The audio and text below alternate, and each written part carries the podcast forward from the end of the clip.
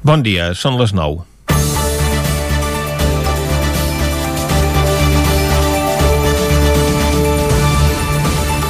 La Comissió Nacional dels Mercats i la Competència ha obert un expedient sancionador contra quatre bancs per possibles pràctiques restrictives de la competència en la comercialització de línies d'avals de l'Institut de Crèdit Oficial, que es van activar per ajudar les empreses a fer front a les conseqüències derivades de la Covid-19.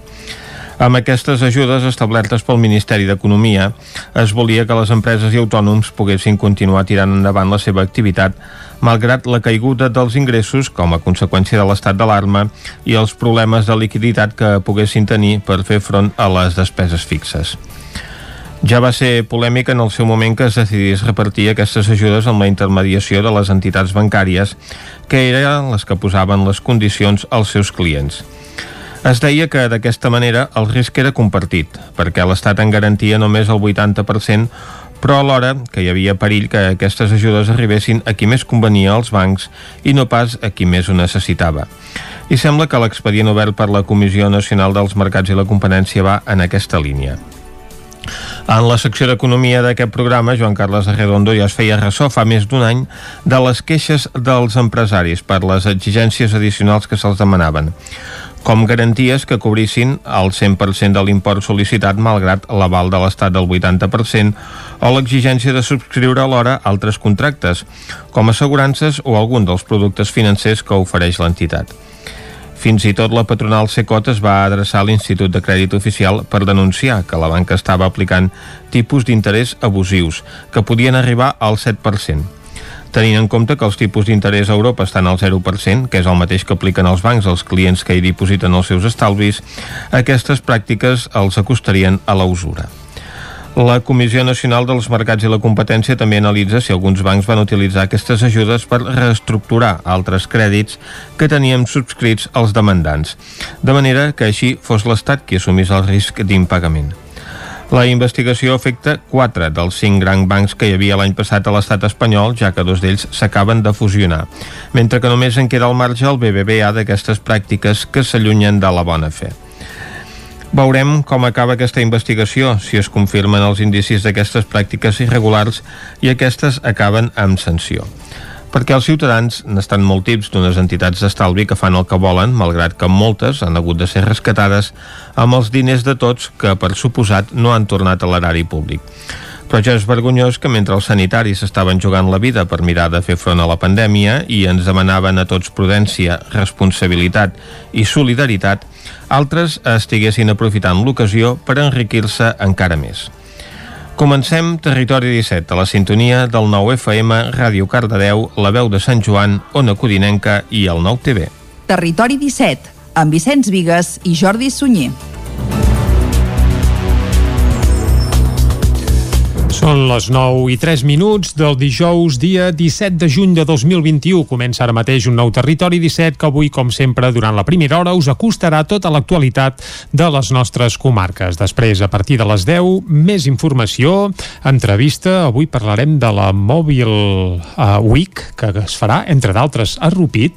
Ho descobrirem de seguida a Territori 17. També ens visitarà en Jordi Soler, que ens alegrarà interiorment, i acabarem al punt de les 12 del migdia amb el racó de pensar amb la Maria López. Abans també haurem anat al cinema, haurem anat d'excursió a Vallgorguina, el Descobrint Catalunya, també haurem passat per la R3 i moltes coses més. Tot això ho farem des d'ara mateix i fins a les 12 del migdia. I com sempre, per arrencar, el que toca és fer un repàs a l'actualitat de casa nostra, l'actualitat de les comarques del Ripollès, Osona, el Moianès i el Vallès Oriental. L'equip de govern de Vic ja ha assolit el 52% dels compromisos adquirits a principis de legislatura al Pla d'Actuació Municipal. Així ho va manifestar l'alcaldessa de Vic, Anna R, en l'acte de mig mandat que es va celebrar dimarts al vespre a l'Atlàntida. La gestió que el govern d'Anna R ha fet a la capital usonenca des de l'esclat de la pandèmia va obrir dimarts al vespre l'acte de mig mandat de l'actual equip de govern de l'Ajuntament de Vic, un acte en públic que es va celebrar a la sala petita de l'Atlàntida i que va conduir la periodista Eva Torrents.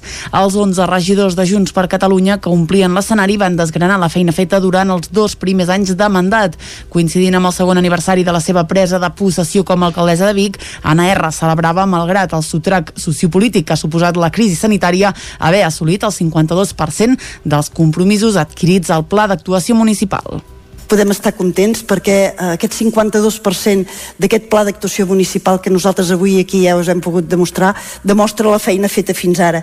I com es deia aquí una feina que a part de totes les eh, actuacions que havien passat a darrere de la pandèmia ens n'han sortit sent més per nosaltres ho vam agafar amb força, sabíem que havíem d'estar al davant de la ciutat, ajudar a sortir d'aquest sotrac i és el que ens vam fer, arremangar-nos, diguem a les mànigues. Lluny d'anunciar nous projectes de ciutat, el govern es va centrar en els que ja estan en marxa i que han de veure la llum abans que finalitzi el mandat. És el cas de la Biblioteca Pilarín Vallès, un projecte que el govern projecta com a una eina de cohesió social. Susana Roura és la regidora de Cultura de l'Ajuntament de Vic. Serà una biblioteca referent a nivell de Catalunya, serà evidentment molt més gran que la que ara tenim, tindrà quatre pisos, hi haurà un pis convencional per lo que nosaltres entenem com a biblioteca, dels quatre un serà la biblioteca stricto sensu, però la resta hi passaran moltes activitats culturals.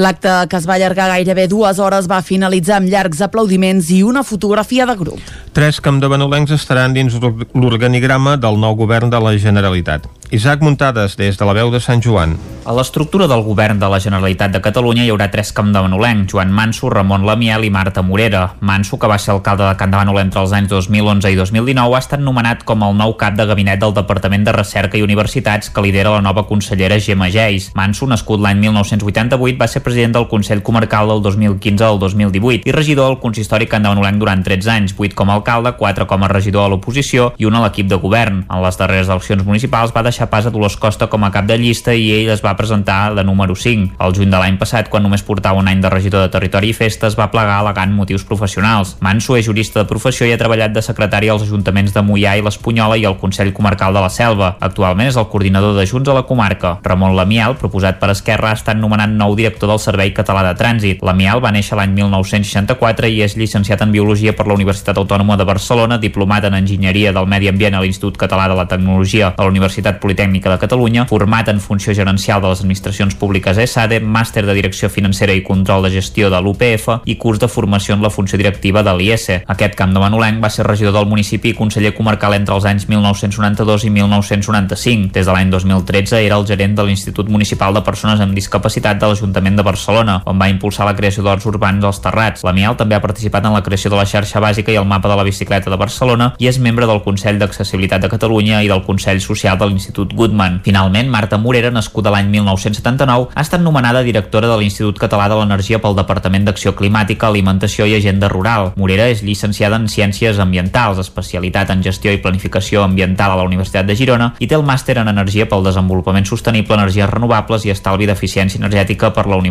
Politècnica de Catalunya. Morera ha estat responsable d'acció ambiental a l'Ajuntament de Rubí, on també ha estat tècnica de Medi Ambient i responsable tècnica del projecte Rubí Brilla, entre la conselleria encapçalada per la ripollesa Teresa Jordà. El pregó de Xevi Rovira i el vespre a Manlleu va donar el tret de sortida al programa d'actes de la Flama del Canigó a Osona. El plat fort del programa arribarà a la matinada del 22 al 23 de juny al cim del Canigó, on un grup reduït de persones autoritzades portaran la flama fins a Coll d'Ares. Tal com marca la tradició, el foc arribarà a 3.000 punts dels països catalans. El pregó de Xevi Rovira a la sala d'exposicions de Can Puget de Manlleu donava el tret de sortida al programa d'actes de la Flama del Canigó a Osona, vinculat des de fa anys a la Junta de Tradicat i apassionat confés de la nit més curta de l'any, Rovira resumia així els eixos del seu pregó. Des d'aquelles primeres fogueres patriòtiques de, de principis del segle XX, eh, passant per la tradició pagana de, de celebrar el solstici d'estiu encenent fogueres per l'època de plenitud del sol, l'època de Sant Joan, que després la tradició cristiana doncs, va adaptar a les seves necessitats i es va convertir en una festa també cristiana, però que primer ja era pagana i que en definitiva celebra doncs, el, el solstici d'estiu, la renaixença de la vida la matinada del 22 al 23 de juny es regenerarà el foc del cim del Canigó.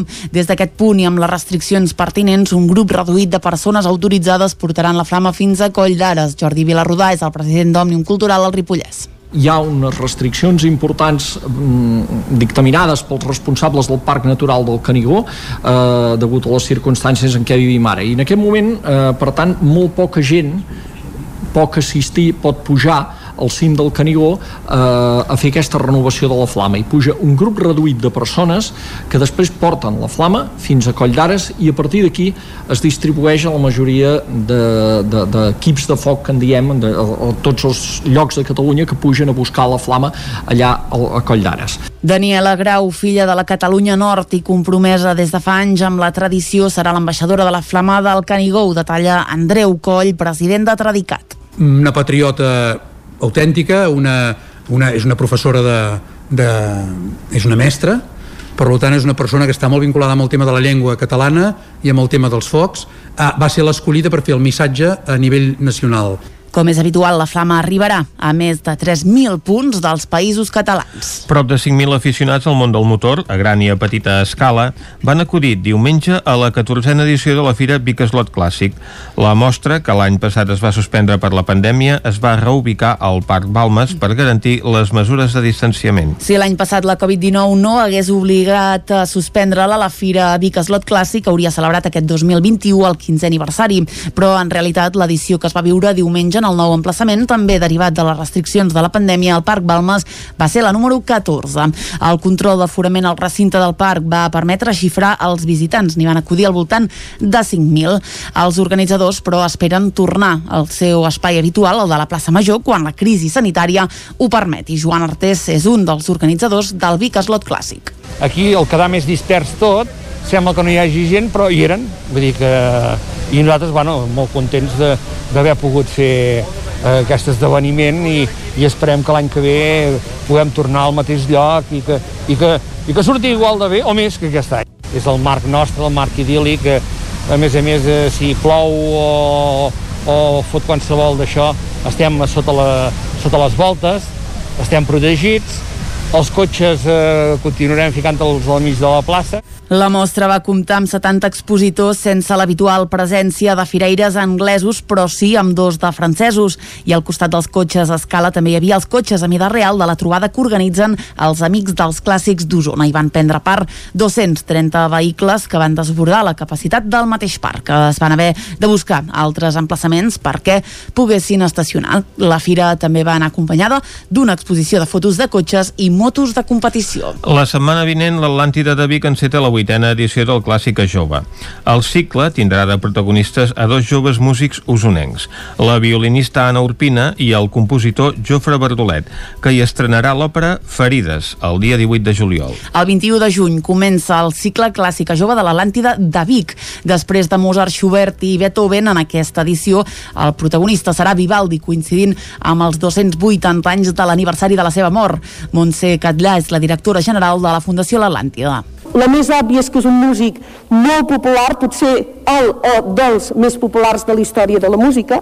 Encara no havíem fet cap músic barroc, si us hi fixeu, havíem fet clàssics, romàntics, per tant, vam dir, home, ja és hora. Un dels objectius del Clàssica Jove és apropar la música clàssica a nous públics i donar protagonisme als joves. Una d'aquestes joves és la violinista usonenca Anna Urpina, l'artista resident d'aquest any. Urpina protagonitzarà un concert de les quatre estacions de Vivaldi i guiarà un escape room sobre el compositor. També aprofitarà l'estat de l'Atlàntida per enregistrar un disc del projecte Contrastos Musicals que va compartir amb Dani Espasa, ho explica la mateixa Urpina concepte filosòfic de principi final en un, en un CD, no? I, i un dels requisits que jo volia i que tenia molt en ment era poder-ho fer en aquesta casa, no? Llavors, eh, gràcies a la Montse, al Ramon i tot l'equip, ha estat possible i és un somni fet realitat. L'altre jove músic que participa en el cicle i que com Urpina també és exalumne de l'Escola de Música de Vic és el compositor Jofre Bardolet, autor de l'òpera Ferides, que s'estrenarà a l'Atlàntida el dia 18 de juliol. Que està ambientada en la Guerra Civil Espanyola, en el tram final, Uh, passa en un poble indeterminat de, de la Catalunya republicana, diguem, uh, i el plantejament inicial, doncs, bé, són els soldats, els nois que queden al poble, que marxen a la guerra, una mica cos i fan tute, Les activitats del Clàssica Jove es concentraran durant el mes de juny i de juliol, encara que també n'hi haurà un parell a la tardor. Coincidint amb el cicle a Vic i faran estades i concerts la Jonc, l'Acadèmia de Quartets de Quartet Casals i el Quartet Gerard. Ahir al vespre l'Escola Viu la Música va inaugurar la Terrassa, un espai al pati de l'escola que es destinarà a fer concerts i vermuts de dilluns a divendres i també els diumenges, per tal de donar ús al jardí de l'escola i poder prendre alguna cosa de tant en tant per la gent de l'escola com pels a fora. David Auladell, de Ràdio Televisió Cardedeu vermuts musicals, seminaris i altres activitats. L'Escola Viu la Música ha inaugurat un espai de bar-cafeteria aprofitant el pati per tal de fer-hi activitats. De moment obriran les tardes de dilluns a divendres i els migdies de diumenges per fer-hi vermuts musicals. Més endavant també es plantegen fer més activitats entre setmana i convertir l'escola en un espai cultural. Marc Maestro, director de Viu la Música. Nosaltres teníem molt la idea de fer un espai de, cultural eh, on, poguéssim, on, on hi poguessin entrar diferents, diferents aspectes de la, de la cultura, no? doncs concerts, seminaris, i la idea una miqueta era aquesta, ampliar, ampliar la, aprofitar la terrassa, adequar-la bé i fer així una mica de, de cafeteria, teteria eh, i refrescos per, per, per lo que són la gent, els pares de l'escola, però també per la gent de fora, que pugui entrar, pugui veure com és l'escola i pugui també accedir a la cultura, als concerts que volem fer i la idea és que la terrassa estigui oberta durant tot l'any, encara que hi haurà més programació durant els mesos d'estiu i serà un espai obert al públic i no només als membres de l'escola. Durant l'acte d'inauguració dissabte passat es va fer un concert en directe i es va convidar tothom que volia a una copa de cava. Esports. El rec amb les Arcaldes disputa els quarts de final de l'Europa Cup demà divendres a la una del migdia davant del Rivadave. Caral Campàs, des d'Ona Codinenca. Aquest divendres el primer equip d'alcaldes d'hoquei estarà a la final a 7 de la Europe Cup. La competició es disputarà a Andorra la Vella. Sentim Eduard Candami, tècnic d'alcaldes. Eh, penso que l'equip arribem més madurs, més, més ja sabent el que hem de fer, però també per l'altra banda doncs, doncs bueno, venim d'una època on tampoc hem pogut entrar el millor possible i, i venim amb lesions i venim amb gent tocada, però bueno, també penso que, que la il·lusió de la competició i de, i de que, bueno, que ja tot s'acaba, no? I és l'últim ja intentar posar la guinda de la temporada, doncs, doncs ens suplirem totes aquestes mancances. No? La cita és de les més destacades del rec amb les arcaldes, ja que disputaran un títol europeu. I fins aquí el butlletí informatiu que us hem ofert amb Vicenç Vigues, Clàudia Dinarès, David Auladell, Caral Campàs i Isaac Muntades. Ara toca parlar del temps, que sembla que canvia.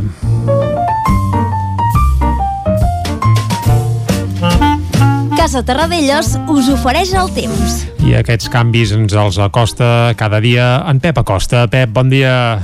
Hola, molt bon dia. Molt bona hora. Benvinguts a la informació del temps. Gràcies. Avui, atenció, avui és una informació important. Mm -hmm. Tenim canvis. Després de molts dies, avui hi han canvis més o menys importants per fi a les nostres comarques. Primer de tot, la nit eh, ha estat bastant, bastant càlida. Eh, hi ha molts més núvols que altres, que altres nits, molts més, està tapat ja moltes zones, fins i tot en algun lloc concret han pogut caure quatre gotes, mal comptades, molt poca cosa, però ja és el preludi de que les coses van canviar una mica. Uh -huh. uh, sempre diem per això que quan hi ha molts núvols a la nit és com un matalàs, és com un llençol i fa que la temperatura pugi. Ha sigut una nit de mal dormir. Però bueno, Uh, ja, ja es nota l'ambient, ja es nota que, que van canviant les, la, els mapes, van canviant la situació meteorològica. Uh, tot el matí estarà uh, amb aquest ambient, amb molts núvols, um, potser hi ha quatre gotes en algunes zones, uh, de moment poca cosa. De cara a la tarda és quan es pot animar la precipitació.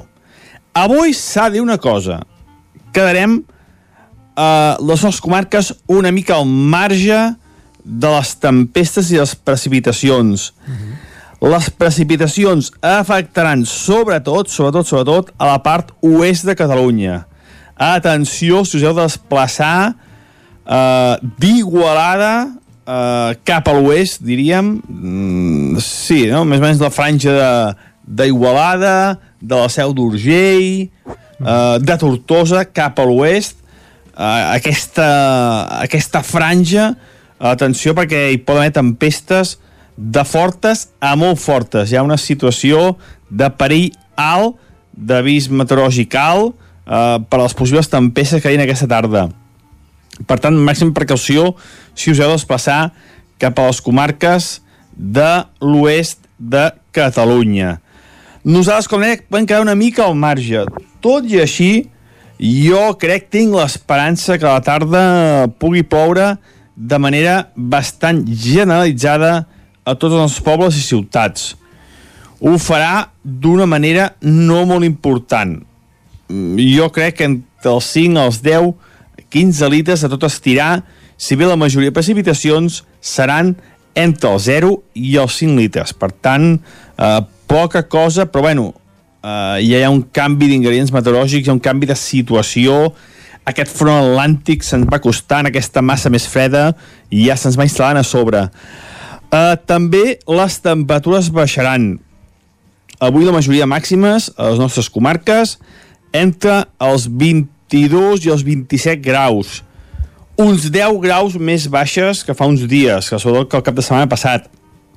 Que el cap de setmana passat dèiem les màximes entre els 32, 34, 35 graus, eh? Per tant, eh, descens eh, important a les temperatures les temperatures que es normalitzen eh, avui eh, per fi s'acaba aquesta calor tan i tan intensa eh, i també interessant també comentar aquest, aquest poc contrast de temperatures entre dia i la nit Uh, les mínimes han estat entre els 15 i els 20 graus, la majoria de, de, de mínimes, i les màximes seran entre els 22 i els 27. Per tant, aquest poc contrast entre dia i la nit eh, res a veure amb els últims dies que tenim un fort contrast de temperatures entre el dia i la nit. Eh? Hi havia molta, molta oscil·lació tèrmica. Avui n'hi haurà molta menys. I això és tot a disfrutar de, del dia d'avui. Un dia de canvis, un dia de canvis de situació meteorològica, entrar aquest front atlàntic, entrar aquest front fred, farà menys calor i aviam, aviam si tenim la possibilitat de que ens pugui ploure bastant, però un plourà sobretot és cap a l'oest de, de, l'oest de, de Catalunya. Eh? Cuidado, precaució, si us heu de desplaçar cap a aquella zona. Moltes gràcies, adeu. Vinga, Pep, que vagi molt bé i ens quedem amb aquesta refrescada que ja tocava per anar cap al quiosc. Casa Tarradellas us ha ofert aquest espai. Territori 17 Abans no plogui, anem a recollir el que treuen en portada els diaris d'avui, Clàudia. Doncs sí, comencem com sempre amb el punt avui. Avui va de, del rei, això, uh, però bé, uh, comencem això pel punt avui, eh? Uh, diu a favor dels indults, el PP propicia que la majoria del Congrés es mostri favorable als indults. 190 dels 350 diputats voten a favor de la concessió i donen aire a Sánchez. A la imatge, doncs, veiem el rei, el govern diu fa equilibris amb la visita reial reial. Aragonès coincideix amb Felip VI i la CUP l'adverteix que no contribueixi al desglàs. Una de les notícies del dia, 5 anys de presó per l'activista Marcel Vivet i encara ens queden uns dies més amb mascareta a l'exterior. Anem al diari ara que diu Aragonès reivindica davant l'empresariat el diàleg sense renúncies. Veiem exactament la mateixa imatge que comentava el punt avui. El president diu anima les elites econòmiques a no tenir por d'una solució democràtica al conflicte. Els altres dos grans protagonistes de les portades d'avui són Biden i Putin. Uh, diu tímid de gel entre Biden i Putin a Ginebra. I com veiem fa un moment, recta final per treure's la mascareta en exteriors. Les trobades socials no tindran límit a partir d'aquest dilluns. Anem al periòdico que diu Espanya només rebrà de la Unió Europea el 70% dels fons previstos aquest any. La subvenció a fons perduts serà de 19.000 milions en lloc dels 27.000 pressupostats per l'executiu executiu. A la imatge, el cercle propicia la distensió.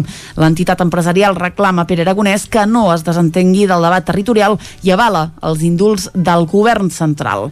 Encara en política, Rivera estudia aplicar mesures provisionals per a baixar la factura de la llum i l'Audiència Nacional asseu al banc dels acusats Pujol i els seus set fills. També és una altra de les notícies del dia.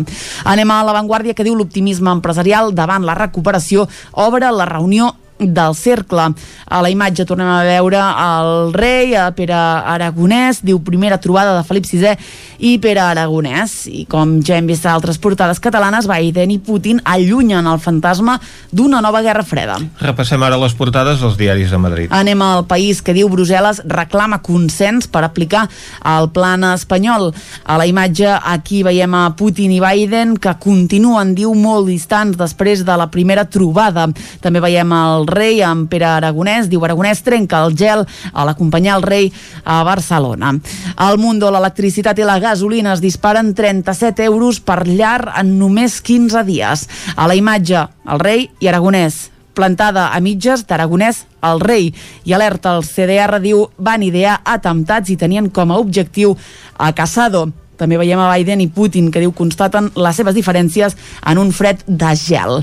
Anem a la Razón, que obre amb unes declaracions de Moncloa, que diu el rei està al cas de tota la negociació amb Esquerra. A la imatge, doncs, hi veiem aquesta freda i tímida trobada entre Felip VI i Aragonès. I aquí tornem a veure aquest titular. El CDR es diu tenien com a objectiu atemptar contra la Guàrdia Civil i la Fiscalia del Tribunal Superior de Justícia. I la Unió Europea diu eh, deixa a Espanya amb 8.000 milions menys en els fons. Acabem, com sempre, amb l'ABC, a la part superior de la portada, i veiem eh, un titular que diu el recurs contra l'indult depèn ja de Delgado i no dels fiscals del procés. A la imatge, però, i trobem aquesta imatge que repeteix avui a totes les portades de Felip VI conversant amb Aragonès. Diu els empresaris forcen Aragonès a no plantar el rei. El president de la Generalitat va modificar diverses vegades la seva agenda i va acceptar fotografiar-se amb el monarca, però es va negar a sortir a rebre'l.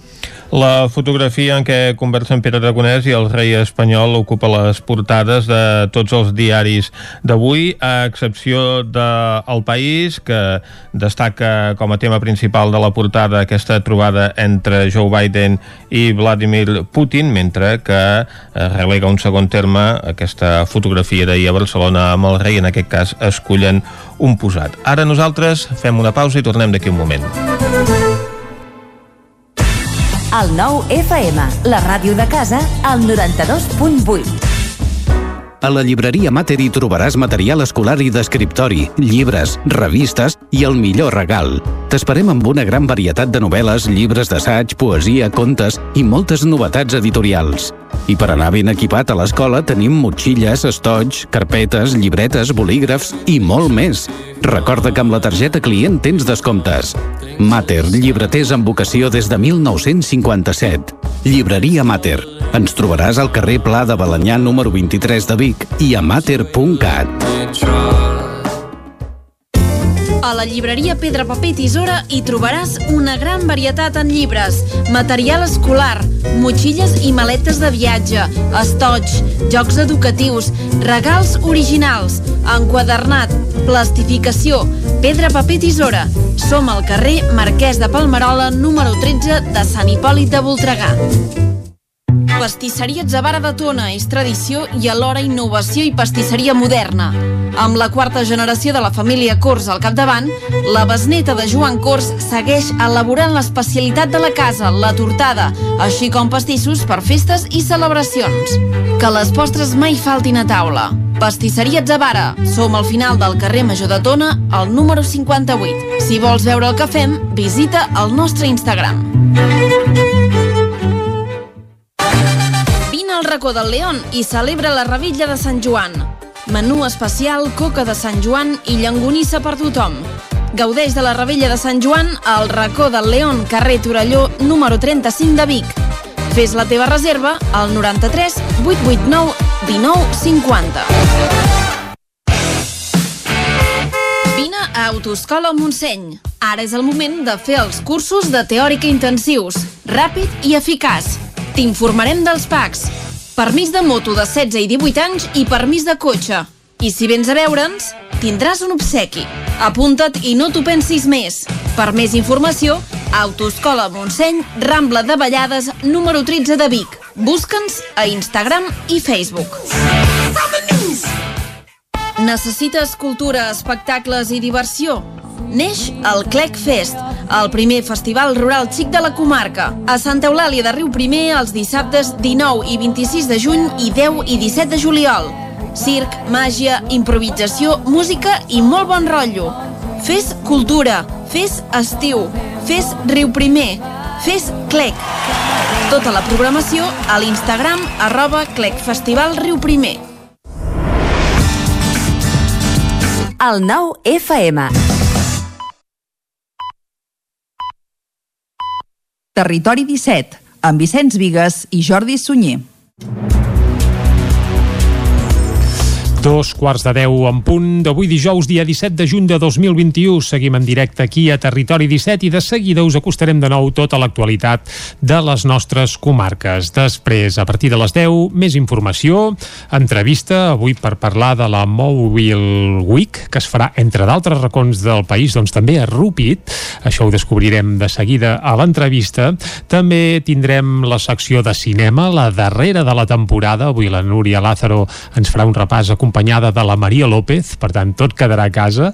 Ens visitarà en Jordi Soler, que cada 15 dies ens ve a visitar aquí a Territori 17 per alegrar-nos interiorment i avui, com que és dijous, acabarem amb el racó de pensar amb la Maria López. Tot això i moltes coses més les farem des d'ara mateix i fins al punt de les 12.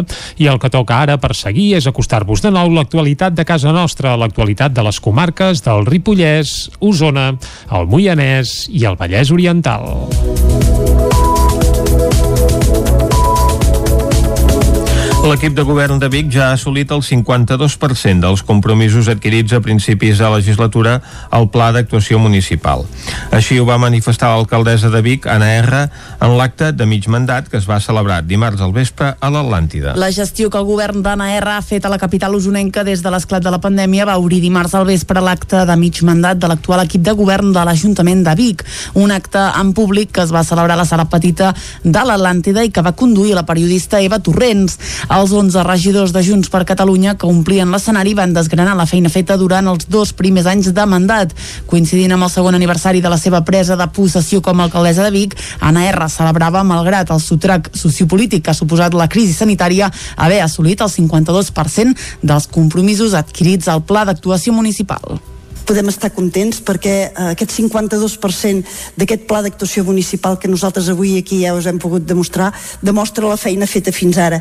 I com es deia aquí una feina que a part de totes les eh, actuacions que havien passat a darrere de la pandèmia ens n'han sortit sent més per nosaltres ho vam agafar amb força sabíem que havíem d'estar al davant de la ciutat ajudar a sortir d'aquest sotrac i és el que ens vam fer, arremangar-nos diguem a les mànigues Lluny d'anunciar nous projectes de ciutat, el govern es va centrar en els que ja estan en marxa i que han de veure la llum abans que finalitzi el mandat. És el cas de la Biblioteca Pilarín Vallès, un projecte que el govern projecta com a una eina de cohesió social. Susana Roura és la regidora de Cultura de l'Ajuntament de Vic. Serà una biblioteca referent a nivell de Catalunya, serà evidentment molt més gran que la que ara tenim, tindrà quatre pisos, hi haurà un pis convencional per lo que nosaltres entenem com a biblioteca, dels quatre un serà la biblioteca stricto sensu, però la resta hi passaran moltes activitats culturals. L'acte que es va allargar gairebé dues hores va finalitzar amb llargs aplaudiments i una fotografia de grup.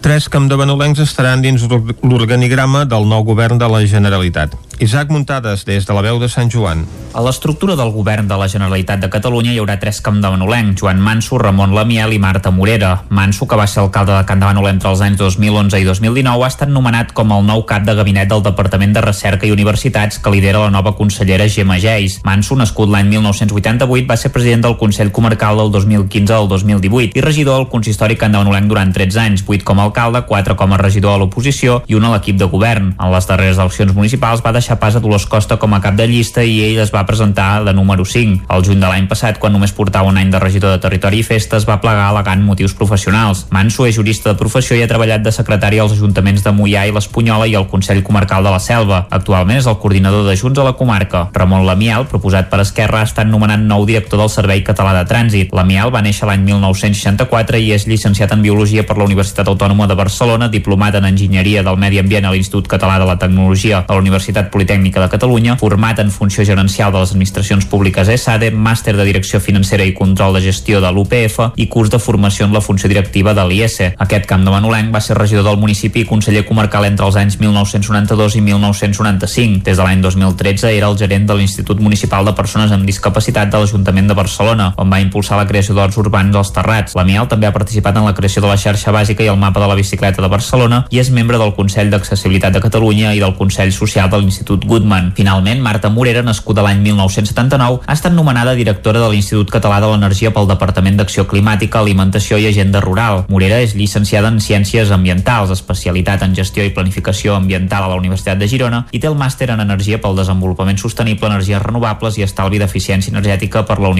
Politècnica de Catalunya. Morera ha estat responsable d'acció ambiental a l'Ajuntament de Rubí, on també ha estat tècnica de Medi Ambient i responsable tècnica del projecte Rubí Brilla, entre la conselleria encapçalada per la ripollesa Teresa Jordà. El pregó de Xevi Rovira i el vespre a Manlleu va donar el tret de sortida al programa d'actes de la Flama del Canigó a Osona. El plat fort del programa arribarà la matinada del 22 al 23 de juny al cim del Canigó, on un grup reduït de persones autoritzades portaran la flama fins a Coll d'Ares. Tal com marca la tradició, el foc arribarà a 3.000 punts dels països catalans. El pregó de Xevi Rovira a la sala d'exposicions de Can Puixet de Manlleu donava el tret de sortida al programa d'actes de la Flama del Canigó a Osona, vinculat des de fa anys a la Junta de Tradicat i apassionat confés de la nit més curta de l'any, Rovira resumia així els eixos del seu pregó. Des d'aquelles primeres fogueres patriòtiques de, de principis del segle XX, eh, passant per la tradició pagana de, de celebrar el solstici d'estiu encenent fogueres per l'època de plenitud del sol, l'època de Sant Joan, que després la tradició cristiana doncs, va adaptar a les seves necessitats i es va convertir en una festa també cristiana, però que primer ja era pagana i que en definitiva celebra doncs, el, el solstici d'estiu, la renaixença de la vida. La matinada del 22 al 23 de juny es regenerarà el foc del cim del Canigó. Des d'aquest punt i amb les restriccions pertinents, un grup reduït de persones autoritzades portaran la flama fins a Coll d'Ares. Jordi Vilarrodà és el president d'Òmnium Cultural al Ripollès hi ha unes restriccions importants mm, dictaminades pels responsables del Parc Natural del Canigó eh, degut a les circumstàncies en què vivim ara i en aquest moment, eh, per tant, molt poca gent poc assistir pot pujar al cim del Canigó eh, a fer aquesta renovació de la flama i puja un grup reduït de persones que després porten la flama fins a Coll d'Ares i a partir d'aquí es distribueix a la majoria d'equips de, de, de foc que en diem de, a, a tots els llocs de Catalunya que pugen a buscar la flama allà a, a Coll d'Ares. Daniela Grau, filla de la Catalunya Nord i compromesa des de fa anys amb la tradició, serà l'ambaixadora de la flama del Canigó, detalla Andreu Coll, president de Tradicat. Una patriota autèntica, una, una, és una professora de, de... és una mestra, per tant és una persona que està molt vinculada amb el tema de la llengua catalana i amb el tema dels focs. Ah, va ser l'escollida per fer el missatge a nivell nacional. Com és habitual, la flama arribarà a més de 3.000 punts dels països catalans. Prop de 5.000 aficionats al món del motor, a gran i a petita escala, van acudir diumenge a la 14a edició de la Fira Vicaslot Clàssic.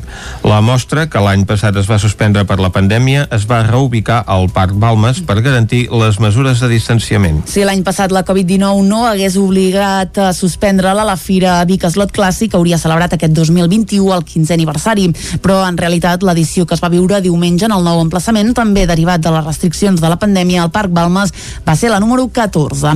El control d'aforament al recinte del parc va permetre xifrar els visitants, n'hi van acudir al voltant de 5.000.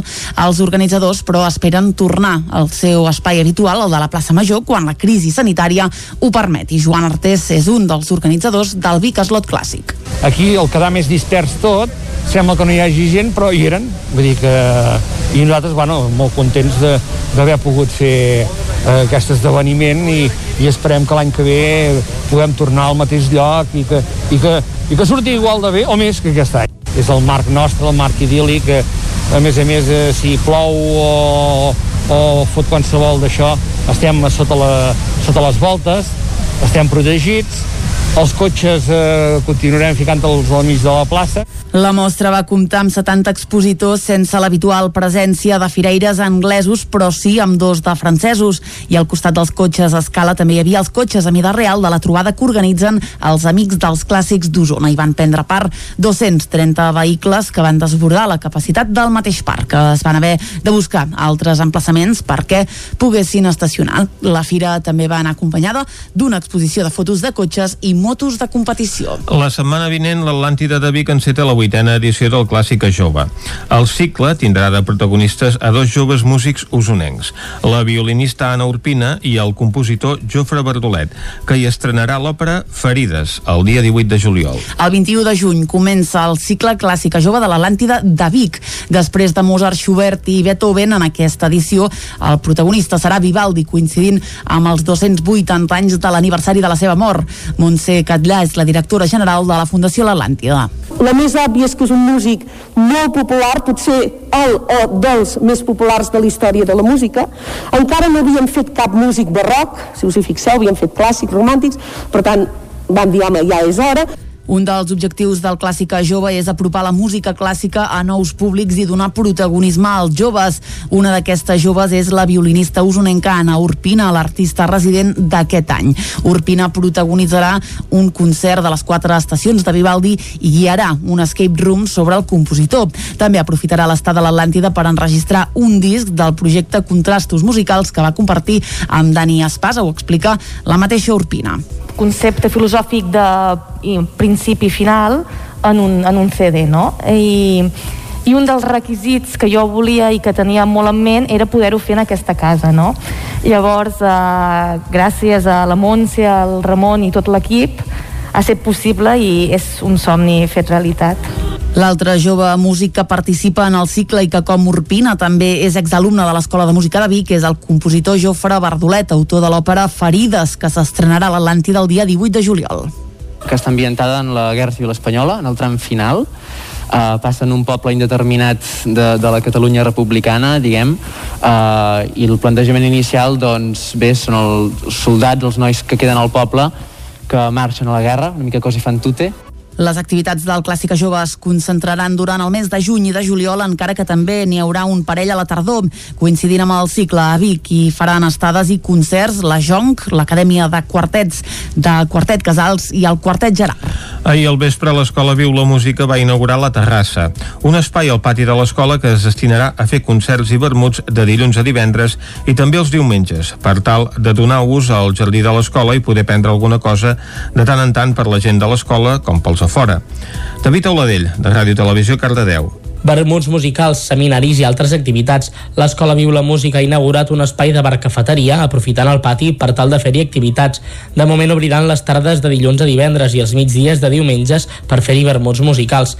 Més endavant també es plantegen fer més activitats entre setmana i convertir l'escola en un espai cultural. Marc Maestro, director de Viu la Música. Nosaltres teníem molt la idea de fer un espai de, cultural eh, on, poguéssim, on, on hi poguessin entrar diferents, diferents aspectes de la, de la cultura, no? doncs concerts, seminaris, i la idea una miqueta era aquesta, ampliar, ampliar la, aprofitar la terrassa, adequar-la bé, i fer així una mica de, de cafeteria, teteria eh, i refrescos per, per, per lo que són la gent, els pares de l'escola, però també per la gent de fora, que pugui entrar, pugui veure com és l'escola i pugui també accedir a la cultura, als concerts que volem fer i la idea és que la terrassa estigui oberta durant tot l'any, encara que hi haurà més programació durant els mesos d'estiu i serà un espai obert al públic i no només als membres de l'escola.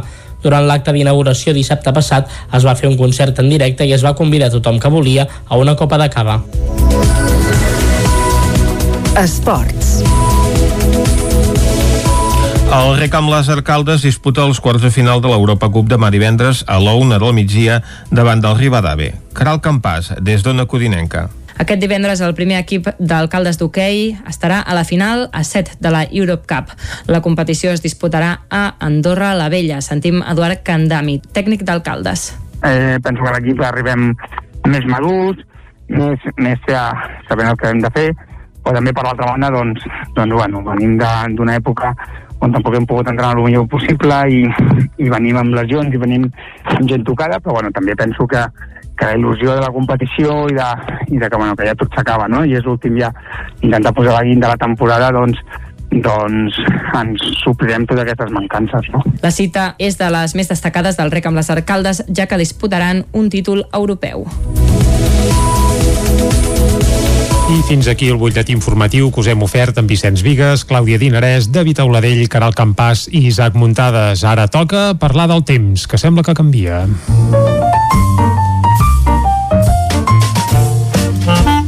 Casa Terradellos us ofereix el temps. I aquests canvis ens els acosta cada dia en Pep Acosta. Pep, bon dia. Hola, molt bon dia. Molt bona hora. Benvinguts a la informació del temps. Gràcies. Avui, atenció, avui és una informació important. Mm -hmm. Tenim canvis. Després de molts dies, avui hi han canvis més o menys importants per fi a les nostres comarques. Primer de tot, la nit eh, ha estat bastant, bastant càlida. Eh, hi ha molts més núvols que altres, que altres nits, molts més, està tapat ja moltes zones, fins i tot en algun lloc concret han pogut caure quatre gotes, mal comptades, molt poca cosa, però ja és el preludi de que les coses van canviar una mica. Mm -hmm. uh, sempre diem per això que quan hi ha molts núvols a la nit és com un matalàs, és com un llençol i fa que la temperatura pugi. Ha sigut una nit de mal dormir. Però bueno, Uh, ja, ja es nota l'ambient, ja es nota que, que van canviant les, la, els mapes, van canviar la situació meteorològica. Uh, tot el matí estarà uh, amb aquest ambient, amb molts núvols, um, potser hi ha quatre gotes en algunes zones, uh, de moment poca cosa. De cara a la tarda és quan es pot animar la precipitació. Avui s'ha de dir una cosa, quedarem eh, les nostres comarques una mica al marge de les tempestes i les precipitacions. Uh -huh. Les precipitacions afectaran sobretot, sobretot, sobretot a la part oest de Catalunya. Atenció, si us heu de desplaçar eh, d'Igualada eh, cap a l'oest, diríem, mm, sí, no? més o menys la franja d'Igualada, de, de la Seu d'Urgell, eh, de Tortosa cap a l'oest, uh, aquesta, aquesta franja, atenció perquè hi poden haver tempestes de fortes a molt fortes. Hi ha una situació de perill alt, d'avís meteorològic alt, uh, per a les possibles tempestes que hi ha aquesta tarda. Per tant, màxim precaució si us heu de desplaçar cap a les comarques de l'oest de Catalunya. Nosaltres, com deia, podem quedar una mica al marge. Tot i així, jo crec, tinc l'esperança que la tarda pugui ploure de manera bastant generalitzada a tots els pobles i ciutats. Ho farà d'una manera no molt important. Jo crec que entre els 5 als 10, 15 litres a tot estirar, si bé la majoria de precipitacions seran entre el 0 i els 5 litres. Per tant, eh, poca cosa, però bueno, uh, ja hi ha un canvi d'ingredients meteorològics, hi ha un canvi de situació, aquest front atlàntic se'ns va costant, aquesta massa més freda, i ja se'ns va instal·lant a sobre.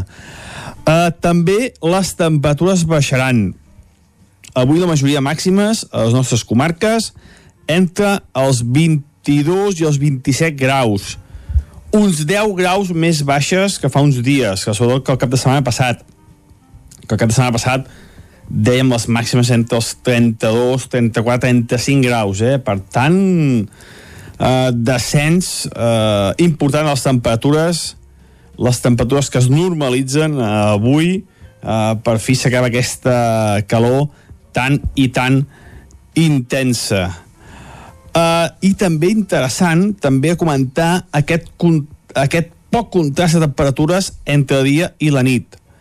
Uh, les mínimes han estat entre els 15 i els 20 graus, la majoria de, de, de mínimes, i les màximes seran entre els 22 i els 27. Per tant, aquest poc contrast entre dia i la nit uh, res a veure amb els últims dies que teníem un fort contrast de temperatures entre el dia i la nit. Eh? Hi havia molta, molta oscil·lació tèrmica. Avui n'hi haurà molta menys. I això és tot a disfrutar de, del dia d'avui, un dia de canvis, un dia de canvis de situació meteorològica, entrarà aquest front atlàntic, entrarà aquest front fred, farà menys calor i aviam, aviam si tenim la possibilitat de que ens pugui ploure bastant, però un plourà sobretot és cap a l'oest de, de, de, de Catalunya. Eh? Cuidado, precaució, si us heu d'espassar cap a aquella zona. Moltes gràcies, adeu. Vinga, Pep, que vagi molt bé i ens quedem amb aquesta refrescada que ja tocava per anar cap al quiosc. Casa Tarradellas us ha ofert aquest espai. Territori 17 abans no plogui anem a recollir el que treuen en portada els diaris d'avui, Clàudia. Doncs sí, comencem com sempre amb el punt avui. Avui va de, del rei, això, uh, però bé, uh, comencem això pel punt avui, eh? Uh, diu a favor dels indults, el PP propicia que la majoria del Congrés es mostri favorable als indults. 190 dels 350 diputats voten a favor de la concessió i donen aire a Sánchez. A la imatge doncs veiem el rei, el govern diu fa equilibris amb la visita reial Mundial. Aragonès coincideix amb Felip VI i la CUP l'adverteix que no contribueixi al desglàs. Una de les notícies del dia, 5 anys de presó per l'activista Marcel Vivet i encara ens queden uns dies més amb mascareta a l'exterior. Anem al diari ara que diu Aragonès reivindica davant l'empresariat el diàleg sense renúncies. Veiem exactament la mateixa imatge que comentava el punt avui. El president diu anima les elites econòmiques a no tenir por d'una solució democràtica al conflicte. Els altres dos grans protagonistes de les portades d'avui són Biden i Putin. Uh, diu tímid de gel entre Biden i Putin a Ginebra. I com veiem fa un moment, recta final per treure's la mascareta en exteriors. Les trobades socials no tindran límit a partir d'aquest dilluns. Anem al periòdico que diu Espanya només rebrà de la Unió Europea el 70% dels fons previstos aquest any. La subvenció a fons perduts serà de 19.000 milions en lloc dels 27.000 pressupostats per l'executiu executiu. A la imatge, el cercle propicia la distensió. L'entitat empresarial reclama per Aragonès que no es desentengui del debat territorial i avala els indults del govern central. Encara en política, Rivera estudia aplicar mesures provisionals per a baixar la factura de la llum i l'Audiència Nacional asseu al banc dels acusats Pujol i els seus set fills. També és una altra de les notícies del dia. Anem a l'avantguàrdia que diu l'optimisme empresarial davant la recuperació obre la reunió del cercle. A la imatge tornem a veure el rei, a Pere Aragonès, diu primera trobada de Felip VI i Pere Aragonès. I com ja hem vist a altres portades catalanes, Biden i Putin allunyen el fantasma d'una nova guerra freda. Repassem ara les portades dels diaris de Madrid. Anem al país que diu Brussel·les reclama consens per aplicar el plan espanyol. A la imatge aquí veiem a Putin i Biden que continuen, diu, molt distants després de la primera trobada. També veiem el rei amb Pere Aragonès. Diu Aragonès trenca el gel a l'acompanyar el rei a Barcelona. Al Mundo l'electricitat i la gasolina es disparen 37 euros per llar en només 15 dies. A la imatge, el rei i Aragonès plantada a mitges d'Aragonès al rei i alerta el CDR diu van idear atemptats i tenien com a objectiu a Casado també veiem a Biden i Putin que diu constaten les seves diferències en un fred de gel. Anem a la Razón que obre amb unes declaracions de Moncloa que diu el rei està al cas de tota la negociació amb Esquerra. A la imatge, doncs, hi veiem aquesta freda i tímida trobada entre Felip VI i Aragonès. I aquí tornem a veure aquest titular. El CDR es diu tenien com a objectiu atemptar contra la Guàrdia Civil i la Fiscalia del Tribunal Superior de Justícia. I la Unió Europea diu eh, deixa Espanya amb 8.000 milions menys en els fons. Acabem, com sempre, amb l'ABC, a la part superior de la portada, i veiem eh, un titular que diu el recurs contra l'indult depèn ja de Delgado i no dels fiscals del procés. A la imatge, però, i trobem aquesta imatge que repeteix avui a totes les portades de Felip VI conversant amb Aragonès. Diu els empresaris forcen Aragonès a no plantar el rei. El president de la Generalitat va modificar diverses vegades la seva agenda i va acceptar fotografiar-se amb el monarca, però es va negar a sortir a rebre'l.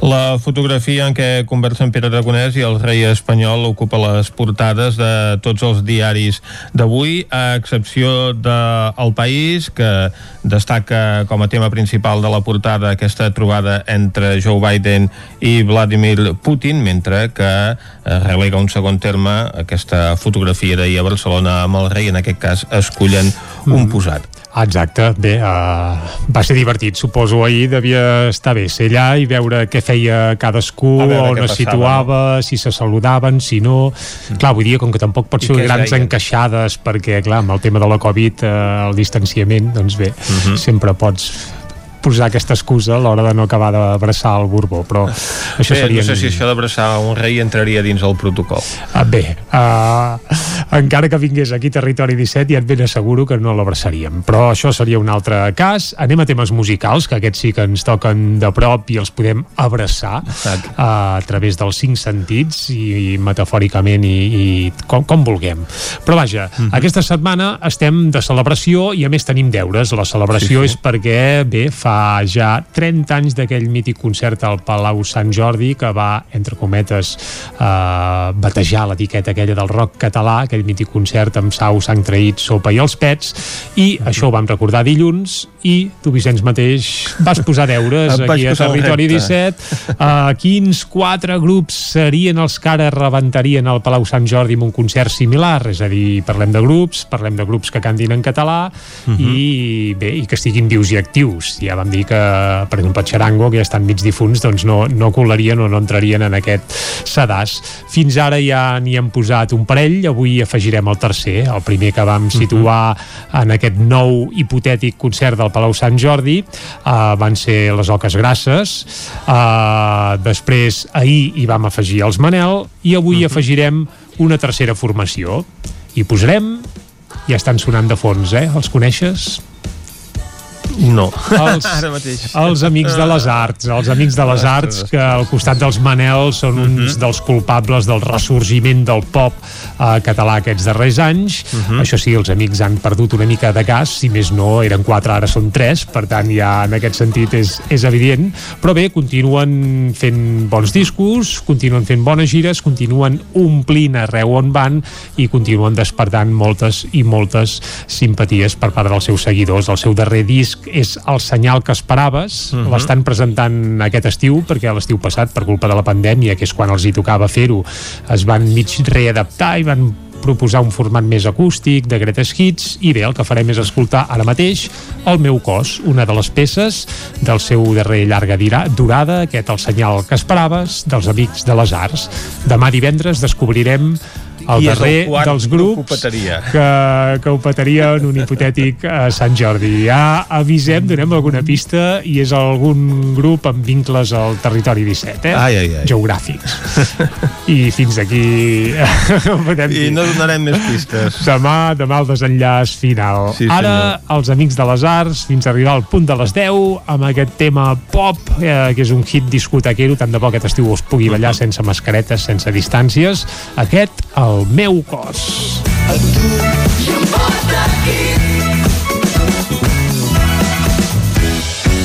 Sé que el paisatge només és un decorat.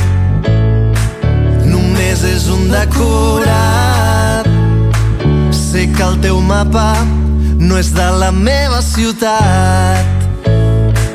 No és de la meva ciutat.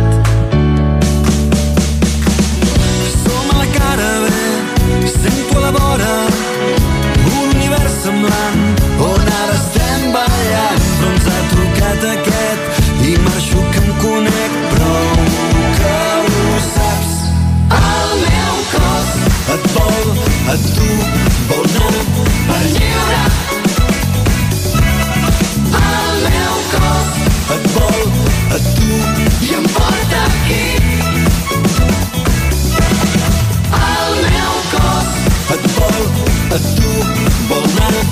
per lliure el meu cos et vol a tu i em porta aquí Ara fas un salt del llit i busques entre mil vinils per tu, per tu. Sempre, sempre un joc quan jo tinc pressa. Cal Casualment fent un tric-trac L'agulla caronant el plat. Per tu, per tu, sempre és. Sempre és. Un lloc quan jo tinc pressa. Dius que això és un musical Quàntic interdimensional Tu veus el gran final Forats de cuc i pirotècnia. Amb quantes jocs al teu davant Perfectament sincronitzats Però en realitat sóc jo intentant ballar. Com en Christopher Walken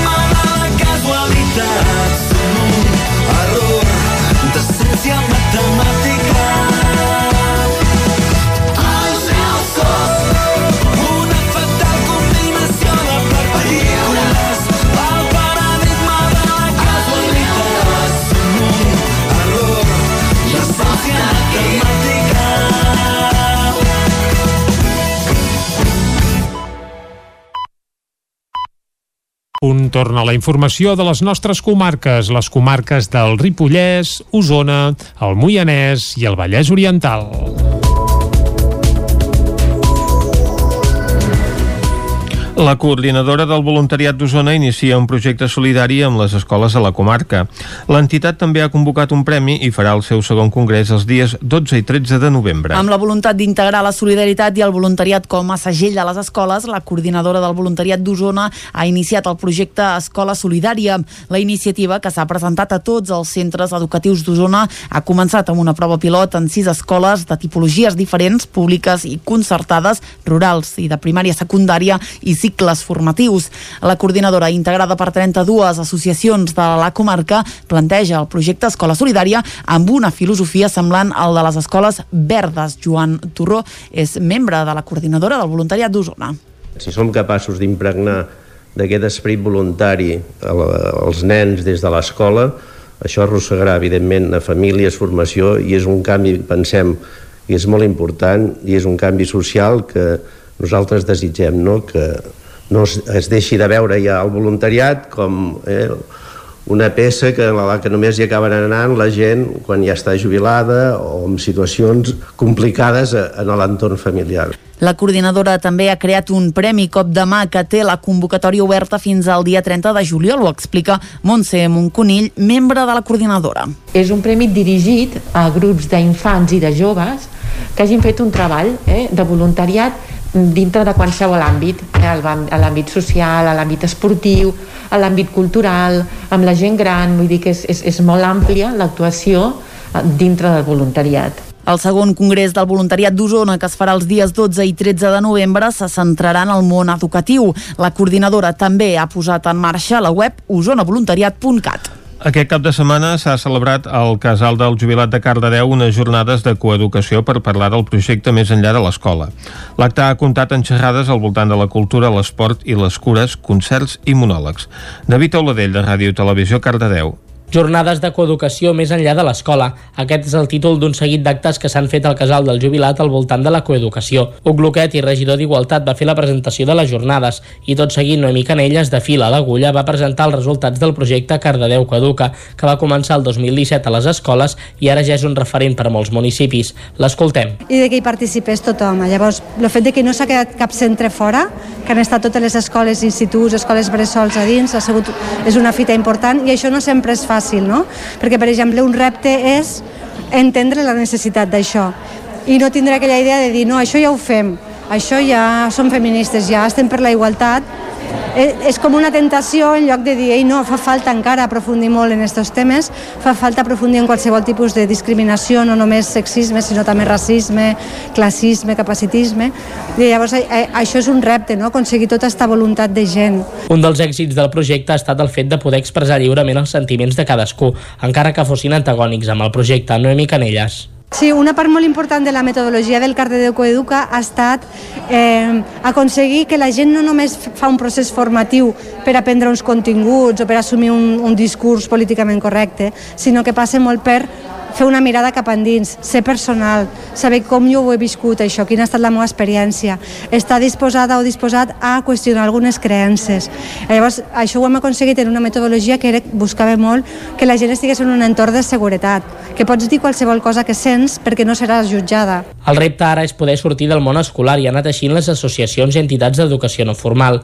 És per això que es van organitzar tres xerrades simultànies a càrrec de diferents col·lectius. Per una banda van parlar de la transformació feminista des de la cultura, per una altra banda la reivindicació, visibilització i igualtat en els treballs de cures i finalment de la feminització de l'esport. L'acte va finalitzar amb monòlegs i concerts al pati del Casal del Jubilat, amb Boye Polo, Santa Salut, Lil Rússia i artistes locals emergents. El rebost solidari d'aliments de Caldes de Montbui amplia la potència elèctrica per tenir més capacitat d'emmagatzematge. Caral Campàs, des d'Ona Codinenca. Gràcies a aquesta ampliació es podrà augmentar la capacitat d'emmagatzematge d'aliments refrigerats. Tots els congeladors i les neveres que ja es podran utilitzar al mateix temps i a més se'n podran utilitzar de nous. D'aquesta manera el rebost es pot adherir al servei de repartiment de producte fresc i congelat de la plataforma humanitària de la Creu Roja, ja que augmenta la capacitat d'estoc. Sentim Josep Puigdomènech, un dels responsables de Càritas Caldes. Havíem de fer malabars perquè eh, tenim la, la càmera doncs, que conserva les verdures i les fruites i tenim els, els, els, els congeladors que conserven tot el que és el producte congelat.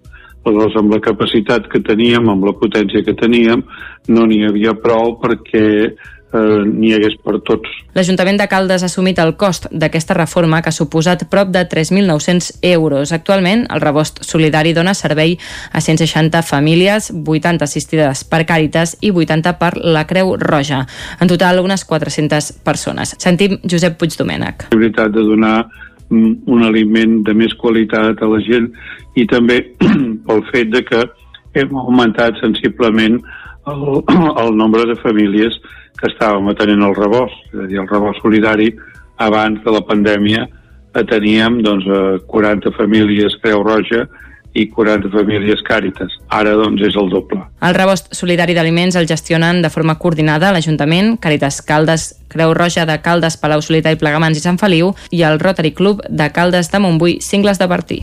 Joan Pous guanya el cinquè rally fotogràfic de Sant Joan de les Abadeses. Isaac Muntades, des de la veu de Sant Joan. El Sant Joaní Joan Pous va guanyar el Premi Absolut a la millor sèrie de tres fotografies al cinquè rally fotogràfic organitzat pel grup fotogràfic Abadeses el passat dia 5 de juny, que va fer públic el veredicte a través del YouTube aquesta setmana. El certamen va tenir una alta participació amb més de 80 fotògrafs que van venir d'arreu del Ripollès, però també de l'Alt Empordà i el Penedès. El president de l'entitat, David Fajul, explicava quins temes havien escollit pel concurs. Hi havia tres temes. Un era arbres singulars de Sant Joan de les Abadeses, que bàsicament eren quatre arbres, la gent que els triés el que volgués, però un d'aquests quatre arbres havia de formar part del tema 1.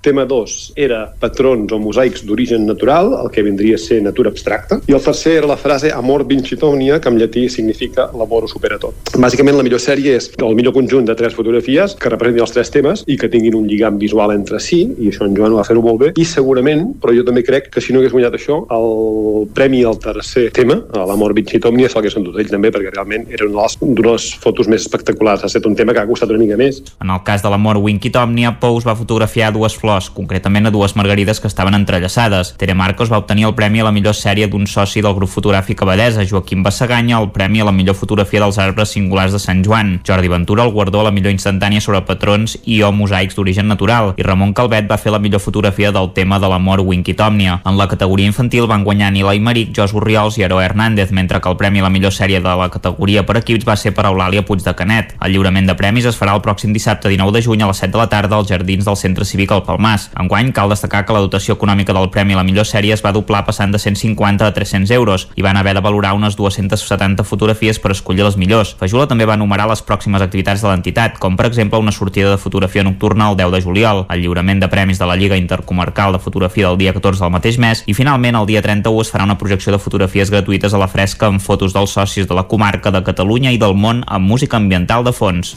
La companyia torellonenca 969 Teatre estrena aquest cap de setmana amb una sessió divendres i dues dissabte George Kaplan, una obra de Frederic Sontag traduïda al català per Carles Batlle. Judit Quintana, Laura Domènech, Jordi Pla, Guillem Rico i Eduard Pujol pugen a l'escenari dirigits per Dobrin Plamenov per posar en escena una obra moderna sobre, entre d'altres, el poder, la ficció, la política o els mites de la societat. Sentim a Dobrin Plamenov i Eduard Pujol que dimarts van ser a la tremolla del Nou TV per parlar de l'estrena preparen la deriva del món occidental, del món capitalista, Uh, són, són tres escenes, bàsicament. Llavors, en aquesta primera escena hi tenim els activistes, en la segona hi tenim els guionistes, i en la tercera hi tenim els líders.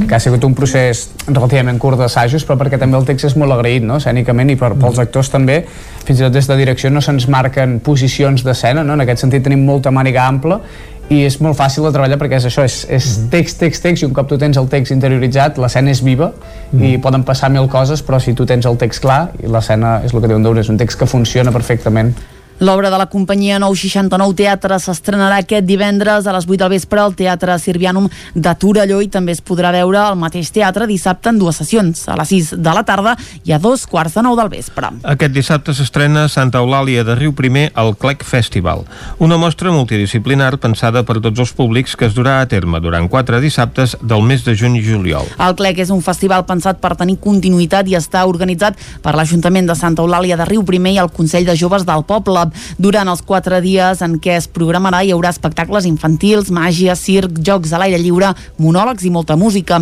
L'activitat començarà sempre el dissabte a les 6 de la tarda i a cada jornada hi haurà un mínim de dos espectacles, jocs per totes les edats i un últim concert com a punt final. I tot això en un espai verd a l'aire lliure decorat per l'ocasió, al camp de gespa ubicat al costat de la pista poliesportiva. L'entrada al festival serà gratuïta i el públic es distribuirà per grups en taules de diferents formats. L'organització aposta així per un festival lliure de Covid i que compleixi amb la normativa sanitària que pertoqui en tot moment. Aquest dissabte la primera cita del CLEC s'obrirà amb un concert per a públic familiar amb, amb Torna la Xanfaina. Després hi haurà un espectacle titulat, titulat Impro con Limón i l'actuació del grup Dua Lupa. A partir de les 11 de la nit el festival acabarà amb música electrònica. Les properes cites seran el dia 26 de juny, el 10 i el 17 de juliol. I fins aquí el butlletí informatiu de les 10 del matí que us hem ofert amb Vicenç Vigues, Clàudia Dinarès, David Auladell, Caral Campàs i Isaac Muntades. Ara el que toca, en un dia especialment interessant per la meteorologia, perquè estem en època de canvis i ens ha alertat en Pep Acosta a primera hora del matí que això, que s'acaba la calorada que estem patint des de fa dies, doncs el que ens toca és això, capbussar-nos de nou en la informació meteorològica.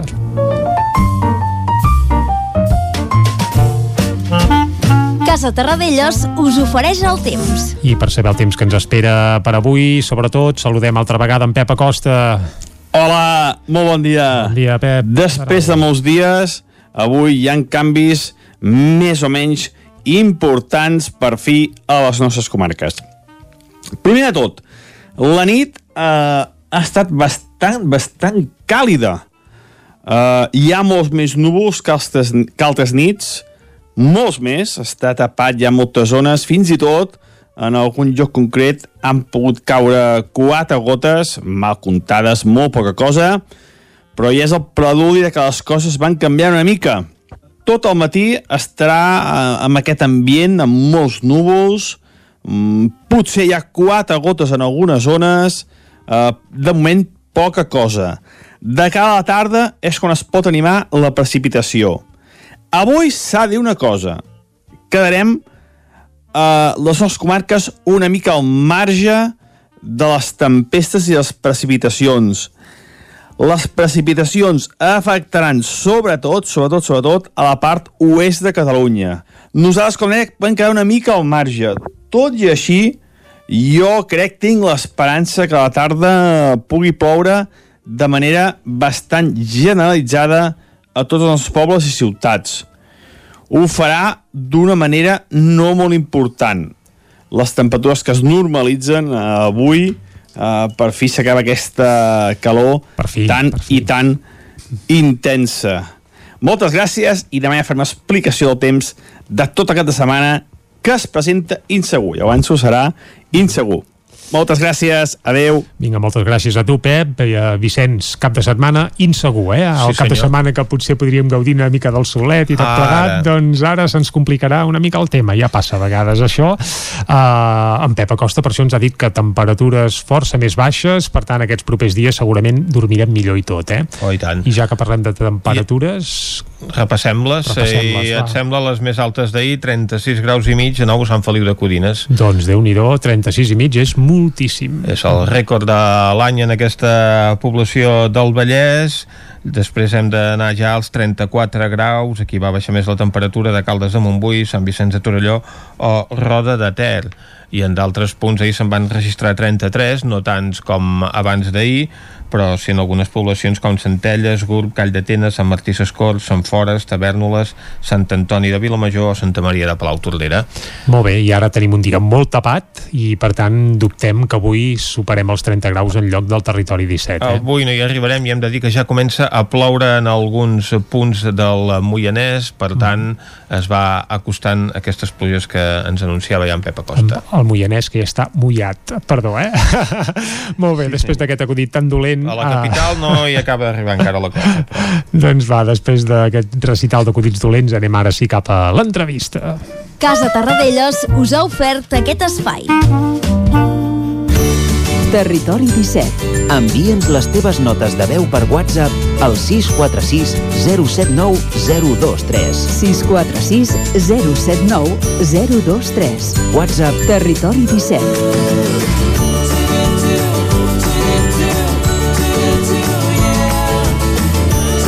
Territori 17. Som a Facebook, Twitter i Instagram amb l'usuari Territori 17.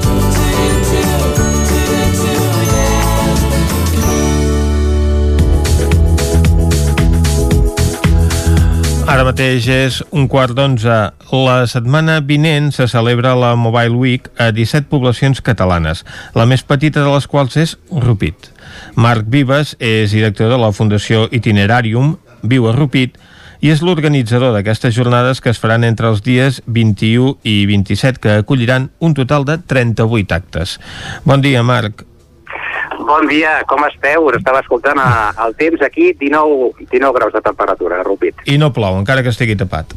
Es, no, exacte, és el que dius tu. Sembla que hagi de ploure, però encara no, encara no. Sí, sí. 19 és fantàstic, eh? que tant. fresquets que esteu. Estem molt bé, la veritat és que sí, eh? Jo és que com que baixo poc per, cap avall, eh, sé que fa més calor, no? I te'n vas a Barcelona i ja em sembla que allà et cremes i tot, eh? I és que em sembla que aquest és un dels motius pels quals en Marc Vives va decidir instal·lar-se a Rupit. Home, entre, entre molts, eh, segurament sí, no?, la temperatura, s'està més fresquet. Però no, bàsicament és el fet doncs, de poder tenir un entorn més, eh, més rural, més natural. El tema doncs, de l'estrès és molt diferent, ho sabem tots, no? Els pobles, en aquest cas, visca una masia, per tant, imagineu, no?, molt més tranquil·let. I sí, doncs, eh, per tot plegat, doncs, eh, per aquesta qualitat de vida, perquè amb les noves tecnologies, amb internet, doncs, pots treballar tranquil·lament també, i, i precisament doncs, aquest eh, projecte, aquest laboratori que tenim a, a, a Rupit, aquest Farm Lab, eh, emmarcat en aquesta Mobile Week de Rupit, doncs el que pretén sobretot és això, és sensibilitzar i mostrar com amb, amb tecnologia es pot viure millor que, que qualsevol part del món. Mm. Home, ja que parlem de la Mobile Week i de Rupit, la veritat és que Rupit és l'últim lloc on algú se li acudiria muntar una, una, una antena de telefonia mòbil, no?, per no enlletgir doncs, aquest paisatge que és el gran atractiu de la població. Bueno, a veure, al final eh, crec que hem d'anar avançant, que el futur és de tots i que no poden quedar enrere els pobles. Rupit manté una essència de tradició, de costums i de proximitat, que això és eh, innegociable, que és intocable. Eh? Els llums tots són de color taronja, les cases són amb, aquest, amb aquesta harmonia que tenen totes, uh -huh. però això evidentment no treu doncs, que les persones de Rupit puguin tenir per què no, internet, eh, unes eh, munidores de vaca doncs, que faciliten la feina i poden els, eh, els grangers dedicar-se al temps a altres coses, eh, els comerciants, doncs, per què no aprofitar el comerç online i les mil i una opcions que, que ens ofereix la tecnologia. I crec que és absolutament fonamental que tant Rupit com tots els pobles d'Osona estiguin a, a la última, perquè el temps avança, els joves també creixen d'una altra manera i si no ens eh, avancem al futur, doncs eh, acabarà passant el que, el que encara és una realitat, que és la despoblació. Hem de ser-ne molt conscients. Encara és una, una autèntica realitat. Uh -huh. la, la Mobile Week és una prèvia del Mobile World Congress de Barcelona, no? A veure, és una prèvia, diguéssim que a veure, no ens podem comparar, no?, en el sentit que la Mobile World eh, Congress Barcelona és tot, una, tot un certamen mundial, no? El que sí que és cert és que és un complement perquè la Mobile Week de Rupit va adreçada especialment doncs, a, als habitants dels pobles. Eh? Uh -huh. La Mobile World Congress està més adreçada al perfil professional i en aquest cas doncs, la majoria de Mobile Weeks, eh? també la de Vic i també doncs, eh, la, la d'altres, no? Eh, van molt més adreçades directament al ciutadà, no? a com la tecnologia pot ajudar doncs, en, el, en les persones directament a millorar la seva qualitat de vida, a la feina, en educació, en turisme sostenible, en eh, noves oportunitats de- d'emprenedoria, eh, va adreçat eh, única i exclu exclusivament a la, a la població rural i a més a més és, és gratuït, no? que també doncs, a vegades a la, a la Mobile World Congress i ja dic, és superpotent i superinteressant eh, i molt xula, però és un perfil més potser professional. Mhm. Com ens deies, doncs, aquestes eh, jornades estan obertes a tothom. I Eh, tant. són unes jornades presencials, però no sé si també es poden seguir en línia. Doncs sí, mira, l'editorial Vicenç Vives ha habilitat un, un canal de Twitch que es diu Anonymous, Anonymous Café, val? com si estiguéssim prenent un cafè, doncs en aquest Twitch Anonymous, amb Y, Anonymous Café, es podran seguir totes i cadascuna d'aquestes... Eh, has dit 38? Doncs sí, 38-40, més o menys, eh? i al final uh -huh. sí, que n'acabarà havent alguna més, alguna menys, però estem parlant d'això, de 38-40 activitats, de dilluns dia 21 a diumenge dia 27, activitats de moltíssima qualitat, el dilluns toquem educació, el dimarts doncs, toquem més eh, altres temes, com pot ser doncs, la, la salut, eh, les oportunitats al món rural, el dimecres, eh, bueno, és que la veritat és que estils de vida, el dijous el turisme, el divendres les innovacions, presentem una caixa de recreacions de climes per preveure el canvi climàtic, vol dir que dins d'aquesta caixa el que fa és que recrea el clima exacte del lloc del món que tu li dius. És a dir, si tu poses Taiwan i a Taiwan no plou, doncs la caixa no, no, no rega a la planta. No sé si no sé si m'explico. Eh? I aleshores doncs, això el que farà és que també puguem analitzar en aquest Farm Lab, en aquest laboratori que tenim a, a la Fundació Itinerarium a, a Rupit, és investigar sobre aquests eh, productes que amb el canvi climàtic tot canviarà molt, no? I per tant doncs, estar una mica preparats i compartir aquest coneixement. Mhm. Hi haurà activitats també inclusives, no?, perquè la Fundació Sí. Itinerarium treballa Sí. en l'àmbit de la inclusió social. Totalment, totalment. Mira, per exemple, el dilluns hi ha tres tallers. Eh, un d'ells, com comentaves tu, o un parell, per dir-ho així, són inclusius, com és, per exemple, un taller a la una, dilluns eh, 21 a la una, taller de creació de robots amb material reciclat, eh, fet per un, un noi que es diu Joan Hidalgo, que té atàxia, que és una, una malaltia degenerativa, i que també doncs, l'acompanya el seu pare, i doncs els nens i nenes portaran diferents eh, pots, eh, cables, etc etc i els ensenyarem a com donar vida en aquests eh, objectes eh, que els, en aquest cas els reciclarem per compartir-ho amb un robot i també a partir doncs, d'alguns filaments i algunes piles li donarem algun toc tecnològic també. Eh? I a les 6, per exemple, també hi haurà un taller de xocolata en el que mostrarem una impressora 3D Carai. però que en lloc, de, en lloc de treure PLA el que treu és xocolata. És a dir, si vols que posi jo, si voleu, vols que posem Vicenç Sí. en, la, en el xip, Mhm. doncs has de fer nye, Vicenç però amb xocolata. Saps què vull dir-te? Que després tu jales. Compte amb la ser trencada. Amb ser trencada, tot, tot, tot, tot. Sí, sí, sí. sí. Eh, aleshores, jo crec que realment tenim moltíssimes coses interessants. Ve l'escriptor Francesc Miralles per parlar-nos de si en el futur les relacions amoroses seran tecnològiques o presencials. Eh? Una mica analitzar tot això. Si Amazon o comerç de proximitat. Uh, ve també el Gerard Macià d'Eurecat perquè han tret una solució per evitar aquests col·lapses que a vegades veiem en els pobles que hi ha tanta i tanta gent. Han tret una aplicació per, bueno, per uh, mirar de que estigui tot més controlat. Ve la, els amics de la Fageda, l'Albert Riera, el director de comunicació, connectem amb, amb Dinamarca, amb Agrointel, i que tenen una marca, ai, una marca, perdona, una, un robot, una espècie com de tractor, que va absolutament sol, autònom, pel, pels camps, però camps d'aquests enormes, i fa totes les funcions que faríem doncs, aquí habitualment, però ho fa de forma autònoma, ell sol, eh? ell sol. I, I bé, Eduard Jornet, el pare del Kilian, tindrem el Kilian també online, presentem una marca de roba que es diu Farm Lab, Uh és una marca en el que s'utilitza la lletra de l'Anna Vives, que és una noia amb, amb síndrome de Down, i que a la vegada el teixit és ecològic i té a dins de l'etiqueta un xip NFC. de NFC. Vol dir que quan tu li passes el mòbil per l'etiqueta, et pot dir, com si fos un codi QR, el que tu decideixes. Eh, pot anar linkat a un, a un link, o pots posar una frase, Uh -huh. i el que pretenem és això, és sensibilitzar una mica sobre la, el potencial que té el, el món rural avui dia, que si a sobre li afegim la tecnologia pensem que és un lloc idoni doncs, per viure, perquè també la gent de, de fora, ja no europits, sinó qualsevol part del món, vegi el potencial que té el món rural, perquè també per evitar la despoblació primer hem de, hem de fer això, no? que la gent no marxi, però Mhm. també doncs, que per què no, la gent interessada en sumar, doncs per què no pugui venir i tenir un teixit més gran i, i anar creixent tots plegats. Al final, l'equilibri territorial, el 80% de la població del món viu a les ciutats, atenció, el 80% de la població del món viu a les ciutats, crec que és interessant. Eh, jo per mi no hi ha gent de poble i gent- de ciutat, hi ha persones i per mi tampoc no hi ha ni, ni països, sinó hi ha un món. Aleshores, jo crec que aquí el que hem de fer entre tots és intentar ajudar-nos i, i sumar de la millor manera. I la tecnologia ha d'estar en les mateixes igualtat de, de condicions tant a la ciutat com al, com al camp, penso. Uh -huh. Tu em parlaves ara d'una de les possibles aplicacions que pot tenir la tecnologia, en aquest cas Mm. aplicada a una de les problemàtiques que té Rupit, que és controlar l'aforament de visitants, perquè a vegades hi ha aquell Sí. excés de visitants que impedeix que molts puguin ja trobar aparcament i acabar-se d'arribar al poble, no? Totalment, això és una, una realitat i em consta doncs, des que l'Ajuntament estan treballant per, per mirar de resoldre-ho, perquè sí que evidentment doncs, és interessant no? que, que vingui gent pels, pels comerciants, per suposat, no?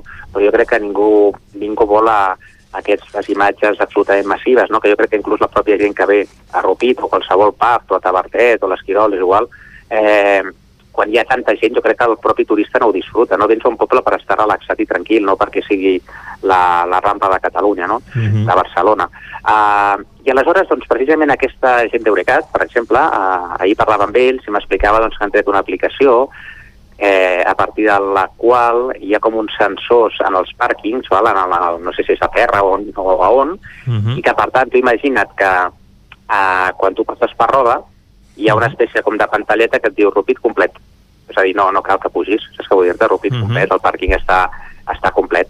Uh -huh. Aquesta és una alternativa, no, no, no sé si farà al final l'Ajuntament farà aquesta o una altra o la de més enllà, però al final jo crec que és interessant conèixer una mica el que s'està coent, els exemples i proves que s'han fet, perquè no només a Rupit, sinó a qualsevol poble, perquè ja et dic, aquesta, aquesta Mobile Week es diu Mobile Week Rupit, però nosaltres com a Fundació Itinerarium visualitzem tot aquest projecte de Mobile Week Rupit, Farm Lab, aquest eh, laboratori, per la comarca d'Osona, en general. Eh? Hem fet també una, una volta al Collsacabra, feta per l'Eduard Jornet, que també la presentarem, que passa doncs, des de Rupit, passant doncs, per eh, Cantoni Gros, passa també eh, per, eh, per l'Esquirol, se'n va... Bueno, eh, dona tota una volta, diguéssim, fa el gas, eh, la, la, la salut, i, i, torna, i torna a Rupit, d'alguna manera, en el que, doncs, el que pretenem és això, estar tots units, crec que és important com a comarca eh, tirar endavant junts, crec que tenim un, un potencial enorme i, i que ja s'està veient, no? que cada vegada doncs, més gent està, està interessada en pujar i en venir, però crec que hem d'intentar doncs, mantenir aquesta qualitat de vida primer per la gent que ve. Se'ns acaba el temps, Marc. Uh, ah, arriba la pausa de publicitat. Mm, Moltes gràcies per acompanyar-nos i que sigui un èxit aquesta Mobile Week a Rupit. Recordem que també a Vic i a Centelles es faran actes. Us esperem. Moltes gràcies, Vicenç.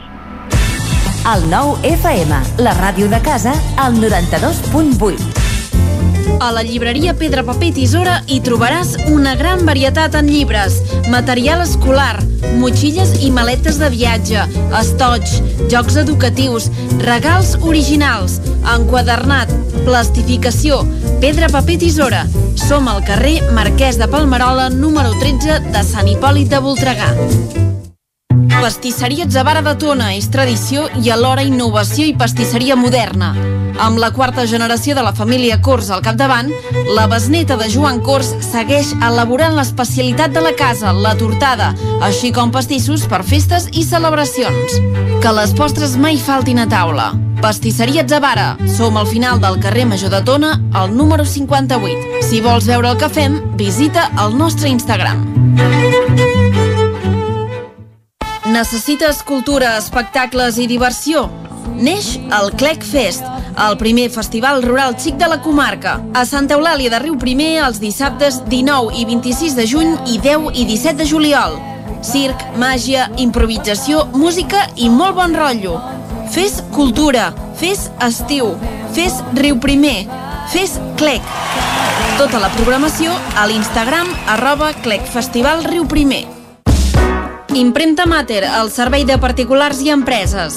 Fem catàlegs, llibres, papereria corporativa, targetes, fulletons i també venem material d'oficina i escriptori, bolígrafs, arxivadors, grapadores, llibretes i molt més. Mater Impressors des de 1957. Impremta Mater. Ens trobaràs a la carretera de Sant Hipòlit, número 23 de Vic i a la impremtamater.com. Autoscola Montseny. Ara és el moment de fer els cursos de teòrica intensius, ràpid i eficaç. T'informarem dels PACs. Permís de moto de 16 i 18 anys i permís de cotxe. I si vens a veure'ns, tindràs un obsequi. Apunta't i no t'ho pensis més. Per més informació, Autoscola Montseny, Rambla de Vallades, número 13 de Vic. Busca'ns a Instagram i Facebook. Anuncia't al 9FM. La màquina de casa. 9 3 8 8 9 4 9 4 9. Publicitat arroba al 9FM.cat. Anuncia't al 9FM. La publicitat més eficaç. Vine al racó del León i celebra la Revilla de Sant Joan. Menú especial, coca de Sant Joan i llangonissa per tothom. Gaudeix de la Revilla de Sant Joan al racó del León, carrer Torelló, número 35 de Vic. Fes la teva reserva al 93 889 19 50. El 9 FM, el 9 FM, el 9 FM, el 9 FM. Són dos quarts onze i anem a fer una ullada a Twitter amb la Clàudia Dinarès. Molt bon dia de nou, doncs sí, anem a Twitter a veure què diuen els nostres piolaires preferits. Eh, Comencem amb la Jenny Gran, eh, una habitual d'aquesta secció, que diu, sabeu aquell mal de panxa d'origen desconegut? Vale, ara mireu el verdet que s'us ha fet el dipòsit d'aigua de la Nespresso. De res. No sé. I el que no té Nespresso... Doncs no ho sé, això va per la en gent que té Nespresso, la que no en té no, no, no s'ha de sentir al·ludit. Per tant, tothom que tingui Nespresso que miri a veure què passa al dipòsit d'aigua. Si hi té granates o no. Exacte, no, verdet en tot cas. I la Lorma li diu, ai calli, volem dir, no en vull ni, ni parlar d'això. Bé, canviem de tema, hem de parlar de vacunes perquè és el que està de moda, vull dir, tothom en parla, està en boca de tothom, i també de l'Ernest Codina, que diu la vacunació està posant de manifest el poc exercici de braços generalitzat. I l'Albert Vivó li diu, tu diràs, hòstia, quin mal al múscul. Bé, és que una de, un dels efectes secundaris, i ho dic en primera persona, quan t'injecten la vacuna, és que el braç no el pots aixecar. Carai. Jo vaig estar un dia que, que no el podia alçar més amunt del meu propi cap. Déu-n'hi-do. No sé si ja li ha passat a altra gent, eh? Ho deixo Un anar, relat deixo poc anar. esperançador, eh, el de Jordi Sunyer. Bé, no, va, un dia també- i prou, va durar un dia i prou, eh? Depèn també del tipus de vacuna que posin, no? I també de les persones, perquè Ah, sí, no cada tothom cas és un món, reacciona de la mateixa manera. Clar, si hi ha múscul no hi ha mal, eh? En fi, canviem de tema. En el meu... Bé, tant és, canviem de tema, sí. sí, sí. Uh, hem de parlar d'en Peyu perquè uh, el que ha fet és fer-li doncs, una proposta a tota una celebrity catalana. Estic parlant de la Rosalia. La Rosalia doncs, va penjar quatre imatges a Twitter i va dir uh, Barcelona és poderosa, Barcelona tiene el poder, no? Uh, molt bé, dient-nos doncs, que estava passant una magnífica jornada uh, a la capital. I ell li va escriure i li va dir, escolta, Rosalia, ja que ets a Catalunya, per què no vens un dia a fer un cameo a Brico Heroes TV3? Hashtag, per favor. En fi, uh, sí que és veritat que molta gent uh, l'ha contestat, sobretot li han demanat a en Peyu què vol dir cameo, hi ha hagut una mica de, de disbauxa uh, amb aquesta proposta, però uh, la Rosalia no, no, no li ha dit res, eh? O sigui que està per veure, a veure què passarà. Si vindrà o no vindrà a Muntanyola. Exacte. En fi, uh, seguim endavant i també parlem d'en Jordi Ramolins, que parla de la calor, que també és l'altre tema de, de la setmana. Ell diu, amb la calor la gent està més irritable i amb mal humor, no? Així per què collons volen que arribi l'estiu si tot plegat només carda que empitjorar? Molt remolins, eh? Sí. Un dels piulaires del Ripollès més esmolats. En Remolins sí que ha tingut moltes respostes. La Dolors eh, li diu no sabem ni el que volem. La Gina li diu perquè com va dir M. Rajoy, embolica que fa fort, cuanto peor mejor para todos y cuanto peor para todos mejor. Mejor para mí el suyo beneficio político. Una frase cèlebre de Rajoy. Bufa. I en Ramon li diu l'estiu està molt sobrevalorat. Portarem en Remolins a Sant Feliu de Codines a veure com reacciona. I acabem la secció amb en Sergi Cirera. Eh, us, si teniu una bona memòria, n'heu de tenir perquè va ser fa dos dies que ho vam comentar. Eh, vam subratllar un, una piulada d'en Sergi que deia no sé què es farà més llarg si la despedida de Charango o la d'en la d'en Vilamala, no sé si ho, Mhm. ho podeu recordar. I tant. Doncs aquesta piulada ha portat cua perquè uh, Sergi Vilamala li va contestar al tuit. Carai. Què li Però va dir? uh, no gaire de bones, eh? Alerta. Sergi Vilamala li diu lo d'aquest senyor, parlant d'en Sergi, és obsessiu contra mi i la meva família. Res estranyar tenint en compte el passat d'algun familiar seu que va ocupar càrrecs polítics de l'època predemocràtica. Li costa discrepar des del diàleg perquè pensa que sols hauria d'haver un pensament únic, el seu. Lo trist és que a Gerard Sancho ja li agrada tenir-lo al costat i que li faci de vocero. Uh, Déu-n'hi-do, eh? Una mica de mal humor a la piulada aquesta, Sí, la sí. resposta de... Mm, en Sergi ho feia de broma, però aquí no, no ha acabat en broma. Potser és efecte de la calor. Eh, Potser sí, però el que val, val a dir és que en Sergi ha tornat a contestar i ha canviat el to radicalment. Eh? Ara el que diu és vilatans de les Masies, esteu obligats a que us agradi Charango. Si no us agrada, discrepeu del seu màrqueting o bé preferiu seguir a altres grups, vosaltres i les vostres famílies sereu uns franquistes o algo així. Mala maró, eh? Carai, Doncs sí, com sí. baixen les aigües al Voltreganès. Seguirem aquest fil, eh? Seguirem aquest fil a veure si, si continua la mala maró entre, entre en Vilamala i en Cirera. Molt bé. Doncs ara anirem a fer un repàs al que diuen les portades del eh, 99.cat. Jo m'he quedat amb, amb quin paper hi faria la Rosalia a Brico Heroes, eh? I, i penso que potser podria fer un, un serial de com fer-se les ungles.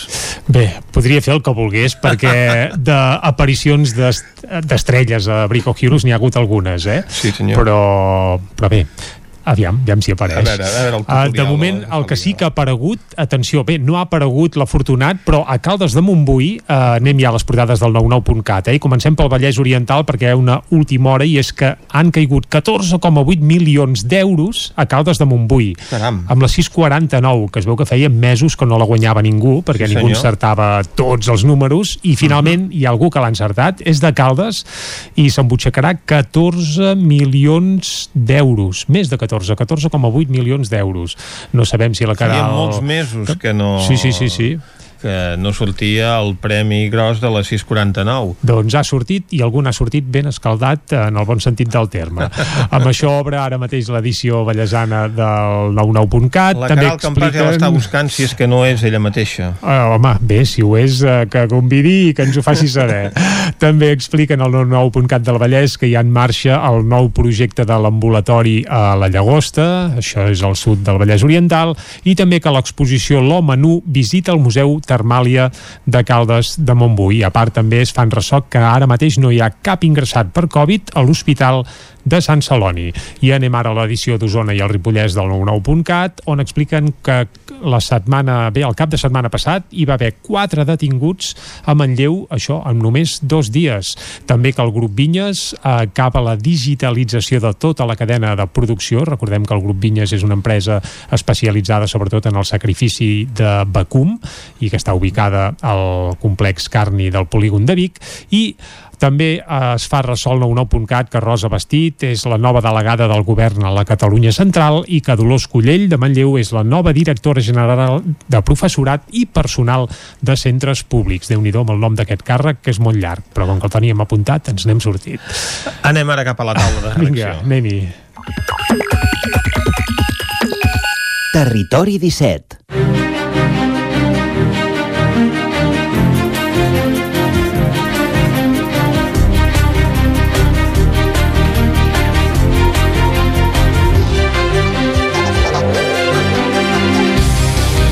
Intentarem ser més breus que el nom del càrrec de la Dolors Collell en aquesta taula de redacció que encetem eh, parlant amb en Guillem Freixa. Bon dia, Guillem. Hola, bon dia. Sembla que hi ha conflicte entre les entitats bancàries i la gent gran. Sí, eh, exacte. Aquest eh, servei bancari que en els últims anys doncs, ha fet una deriva cap a la banca online, cap a la Mhm. digitalització per fer pràcticament la majoria dels seus tràmits. També els funcionaments de les sucursals bancàries doncs, han canviat. Per exemple, ara Mhm. a fer determinades gestions eh, no s'hi pot anar eh, en totes les hores que vulguem Que sinó obert, no? s'ha de demanar hora prèvia i alguns d'aquests tràmits doncs, ja de, et deriven directament cap al caixer automàtic o cap a l'aplicació mòbil de l'entitat en qüestió perquè ho facis a través de l'ordinador, de la tauleta, de, de l'aparell de, de telèfon Cada mòbil. cop ho posen més difícil i a sobre van acomiadant personal. Exacte, uh, ho posen més És a difícil dir, espavila't tu que nosaltres no et donarem ni un 1% d'interès i, eh, Sí. i fes tu totes les operacions bancàries que convingui. Exacte, interessos no, si portes allà els diners te'n donaran uh, O sigui, l'afortunat d'aquests 14,8 milions d'euros potser en aquest li fan algun tracte especial. Sí, Amb ara aquest mateix- segur, ja t'ho ben asseguro. però, Però ara mateix vas allà amb 14 milions d'euros i et, don, et diuen l'interès és del 0,01%. li aconsellaríem diversificar inversió amb aquest que li ha tocat la, la, la loteria el que dèiem, eh, aquest servei bancari que, que ha anat eh, degradant en els últims anys i un dels col·lectius que ho ha notat i patit més doncs és la gent gran eh, persones que potser no es desenvolupen del tot bé amb les noves tecnologies que necessiten un acompanyament personalitzat doncs, per fer eh, determinades tasques eh, amb, el, amb els seus eh, diners, amb els seus productes que, que puguin tenir. Que no I això- tenen smartphone. Exacte, perquè, que no doncs, tenen eh, telèfon mòbil d'última... Utilitzen telèfons moltes vegades adaptats a les necessitats de la gent gran precisament. I amb aquesta situació, eh, amb aquesta desaparició de l'atenció personalitzada, de poder anar a, a les entitats bancàries doncs, a l'hora que, que es vulgui i no haver de demanar eh, cita prèvia, eh, el Consell Consultiu del Bages, el Consell Consultiu de la gent gran del Bages, va redactar un manifest on posava en evidència aquest fet, eh, aquest problema, eh, les dificultats que es troben per fer les seves gestions en l'àmbit bancari, també eh, en temes com, per exemple, eh, els parquímetres, que ara ja s'ha derivat tot també amb, amb, els, amb els mòbils per poder pagar el, el parquímetre, i volien fer evident això, que hi ha una generació que potser no es desenvolupa del tot bé amb aquestes noves tecnologies i que se'ls derivi cap a, cap a obligar a utilitzar les noves tecnologies doncs els hi suposa un condicionant important en les seves vides. Ells demanen que es recuperi aquesta atenció personalitzada, que es tingui en compte que el servei bancari doncs, s'ha d'oferir a tota la població i que la població és molt diversa, que hi ha gent que s'hi desenvolupa bé amb les noves tecnologies, gent que necessita un acompanyament per poder-ho entendre i saber-ho fer anar i gent que potser per la seva eh, condició, edat, eh, situació personal doncs no, no se n'en sortirà eh, mai de la vida i hauria de tornar en aquesta atenció personalitzada. Com dèiem, es va eh, llegir aquest manifest redactat pel Consell Consultiu del Bages, al qual s'hi ha afegit el Consell Consultiu de la Gent Gran eh, d'Osona. Es va fer un acte a la seu del Consell Comarcal d'aquí de, de la comarca d'Osona aquest dimarts, en el Dia Mundial de la presa de consciència en contra de l'abús i el maltractament en persones grans. Ells deien això, eh, que eh, aquesta desatenció dels bancs doncs, no deixa de ser un abús d'una banda i també una forma de maltractament cap a aquestes persones grans que es troben desateses. També explicaven que en molts pobles han desaparegut directament les entitats bancàries, els caixers, aquest servei eh, bancari apuntava en un informe del Banc d'Espanya que diu que el 49% dels municipis de Catalunya ja no tenen eh, una entitat bancària i la majoria d'ells són eh, pobles eh, petits de l'àmbit rural i per, amb una població molt eh, envellida, que també els obliga doncs, a desplaçar-se al poble del costat, a necessitar algú que els hi porti en moltes vegades, eh, que els dificulta aquesta, aquest dia a dia. En el marc d'aquest Dia Mundial de la presa de consciència en contra de l'abús i maltractament de persones eh, grans, també es va passar un vídeo on a través de la paraula prou eh, els diversos col·lectius de la gent gran de Catalunya eh, denuncien situacions en què hi diuen prou, situacions de maltractament que poden anar com des de rebre coaccions per part de familiars o, o entorn perquè els hi donguin diners, no prendre seriosament preocupacions de la gent gran que potser per la resta de la població doncs això, no es prenen eh, seriosament. I també deien eh, considerar-los avis i àvies si no som uh -huh. els seus nets aquesta menció no? que a vegades aquell avi, aquella àvia uh -huh. eh, doncs diuen que si no som els seus nets millor que parlem de, de persones eh, grans i en uh -huh. aquest eh, sentit un dels eh, ponents o un dels participants en aquest acte deia que eh, es troba que ara quan vol fer determinades coses li diuen no, però si tu ja ets vell uh -huh. i ell deia, compte amb la capacitat dels vells perquè a mi quan em passa això i dic, eh, em diuen ja ets vell per fer eh, qualsevol cosa uh -huh. els hi recordo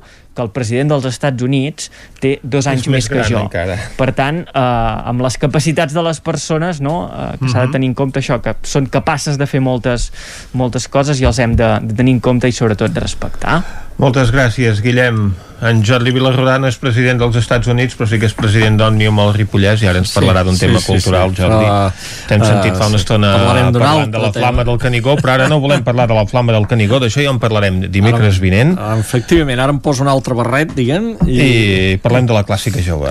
Parlem de la clàssica jove, que és aquest cicle que l'Atlàntida sol programar ara, doncs, justament quan estem doncs, ja al final de la temporada regular de l'Atlàntida, que ja pràcticament s'ha acabat, i eh, apareix doncs, aquesta, aquest epíleg de la temporada que sol ocupar una part del mes de juny i juliol, centrat en la música clàssica uh -huh. i centrat també en, en l'objectiu de fer arribar la música clàssica a públics joves, a, a nous públics, donant protagonisme, per una part, als eh, compositors, eh, intèrprets joves i, per altra part, també amb activitats que hi connectin, d'alguna manera. Cada any, des de fa uns anys que, que es fa clàssica jove, però ara en els darrers, es treballa a partir de la figura d'un compositor, que s'intenta, doncs, això, aproximar-lo. Uh -huh. va ser Mozart, va ser Schubert, Beethoven l'any passat, i ara aquest any el protagonista serà Vivaldi, el de les quatre estacions de Vivaldi. Uh -huh. Aquest compositor que tots ara coneixem, però que en realitat va morir eh, una mica pobre i oblidat. Eh, doncs ell serà protagonista del Clàssica Jove d'aquest any, que comença aquest dilluns vinent i s'allarga fins durant un mes, doncs, diguem, fins a més o menys finals de juliol. Eh, té algunes fites destacades, eh, destacarem tres o quatre aspectes principals. Hi ha una un intèrpret resident, diguem, en aquest uh -huh. cas, que serà la violinista Anna Urpina, la violinista de Vic, eh, Anna Urpina, que, entre altres coses, eh, farà doncs, un assaig obert de les quatre estacions de Vivaldi o dirigirà un escape room a l'Atlàntida també sobre Vivaldi, uh -huh. que es a la, a la recerca de Vivaldi. Eh, també, evidentment, participarà en un concert, serà la solista d'un concert de l'Orquestra de Cambra de Vic amb eh, les quatre estacions. Uh -huh. eh, què més? Eh, dintre d'aquest mes també s'inclouen activitats que no són relacionades, en aquest cas ben bé amb Vivaldi, eh, però sí amb la música i hem de destacar que des de fa uns anys la de Jove Orquestra Nacional de Catalunya, la JONC, fa estada a l'Atlàntida per preparar els seus concerts d'estiu. És una orquestra doncs, que es forma d'alguna manera dues vegades l'any, per Nadal i per l'estiu, amb instrumentistes joves de diferents procedències, fan una estada d'assaig, de treball d'unes peces i després eh, en fan uns concerts que solen anar doncs, a l'Auditori a Barcelona, etc i aquí a l'Atlàntida també.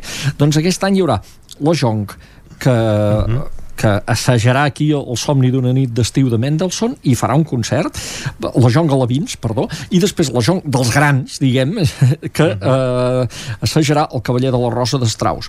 Això vol dir que durant uns dies a l'Atlàntida hi haurà com 200 músics entre les dues orquestes, els, els professors, eh, etc etc. O sigui, una activitat que normalment els, eh, aquests espais auditoris ja no tenen durant el mes de juliol i que el mes de juliol és ple d'activitat, perquè després d'aquesta ve l'Acadèmia de Quartets. L'Acadèmia de Quartets va ser una iniciativa d'una de les formacions catalanes més eh, reconegudes mundialment a la música de cambra, que és el uh -huh. Quartet Casals, que uh -huh. va voler crear una mena d'escola per músics de cambra que en venen també de diferents llocs, no només de Catalunya, sinó també de diferents llocs d'Europa, eh, de formació, en aquest cas. I, uh -huh. i la tornen a fer a Vic eh, durant aquest mes de juliol també. La dirigeixen ells, el Quartet Casals i el Quartet Gerard, del que forma part la, la Judit Bardolet. Eh, o sigui que ja veiem que durant el mes de juliol serà ple d'activitat relacionada amb la música clàssica.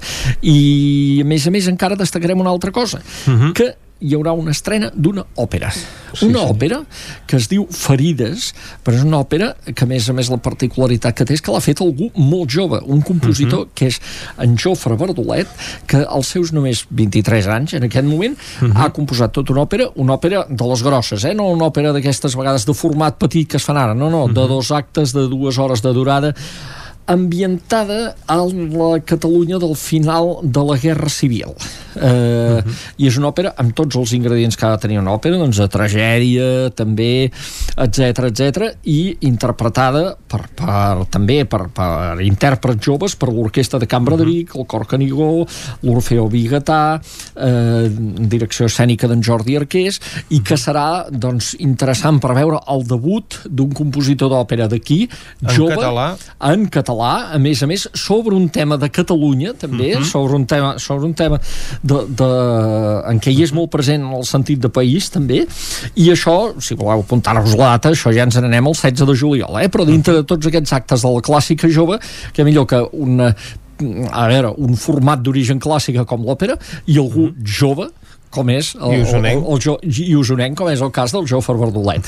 Per tant, seguiu la programació aquesta de Clàssica Jove, perquè durant un mes eh, té moltes propostes per fer i és una manera doncs, de, de, de tancar eh, d'una manera ben lluïda doncs, diguem, la, la, la temporada, en aquest cas, de, de l'Atlàntida.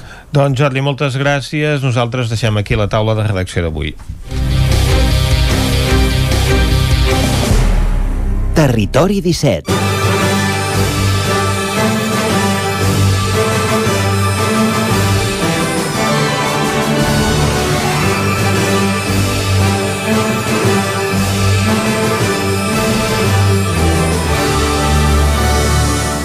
I quan falten 10 minutets per les 10, Vicenç, és el moment d'anar cap al cinema.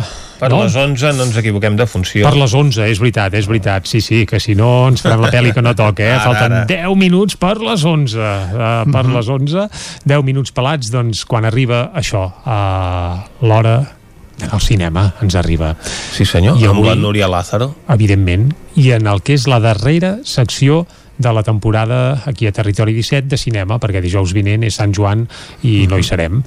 Per tant, donem-li pas ja a la Núria. Aviam de què ens parla avui. Bon dia, Núria. De què ens parlaràs? Doncs avui, per tancar la temporada abans de les vacances d'estiu, farem un tema quilòmetre zero i de proximitat que està mm. molt arrelat a Ràdio Televisió de Cardedeu.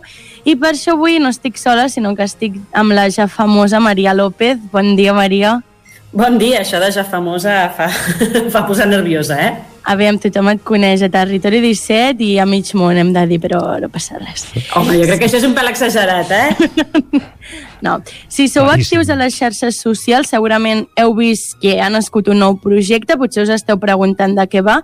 És la Casa Bernoulli, per això tenim a la Maria López, la culpable, artífice de tot això, podríem dir. Eh, Maria, comencem per l'inici, per qui això, per qui s'està preguntant què vol dir la Casa Bernoulli. Com ho podria resumir de què es tracta? La Casa Bernoulli és una, és una bogeria nascuda durant els dies de Setmana Santa, eh, convertida en curtmetratge. I, i d'alguna manera no és el primer curtmetratge que, que escric ni que dirigeixo, però sí que és veritat que segurament és el més complex i, i ja doncs, durant Setmana Santa em vaig posar a escriure, va néixer aquesta idea i vaig començar doncs, a, enredar a molta gent que s'ha deixat enredable, que s'ha deixat enredar eh, vinculada a Televisió Cardedeu i altres persones que tinc al voltant vinculades al món del cinema i al final s'ha fet realitat. És un curtmetratge que vam estar gravant durant el mes de maig i ara mateix està en, en procés de muntatge. Aquest curtmetratge, eh, perquè la gent ho entengui, en veritat era una proposta que sortia per un concurs, un concurs que ja vam fer des de Radio Televisió Cardedeu ara fa, no sé, 3 o 4 anys, no?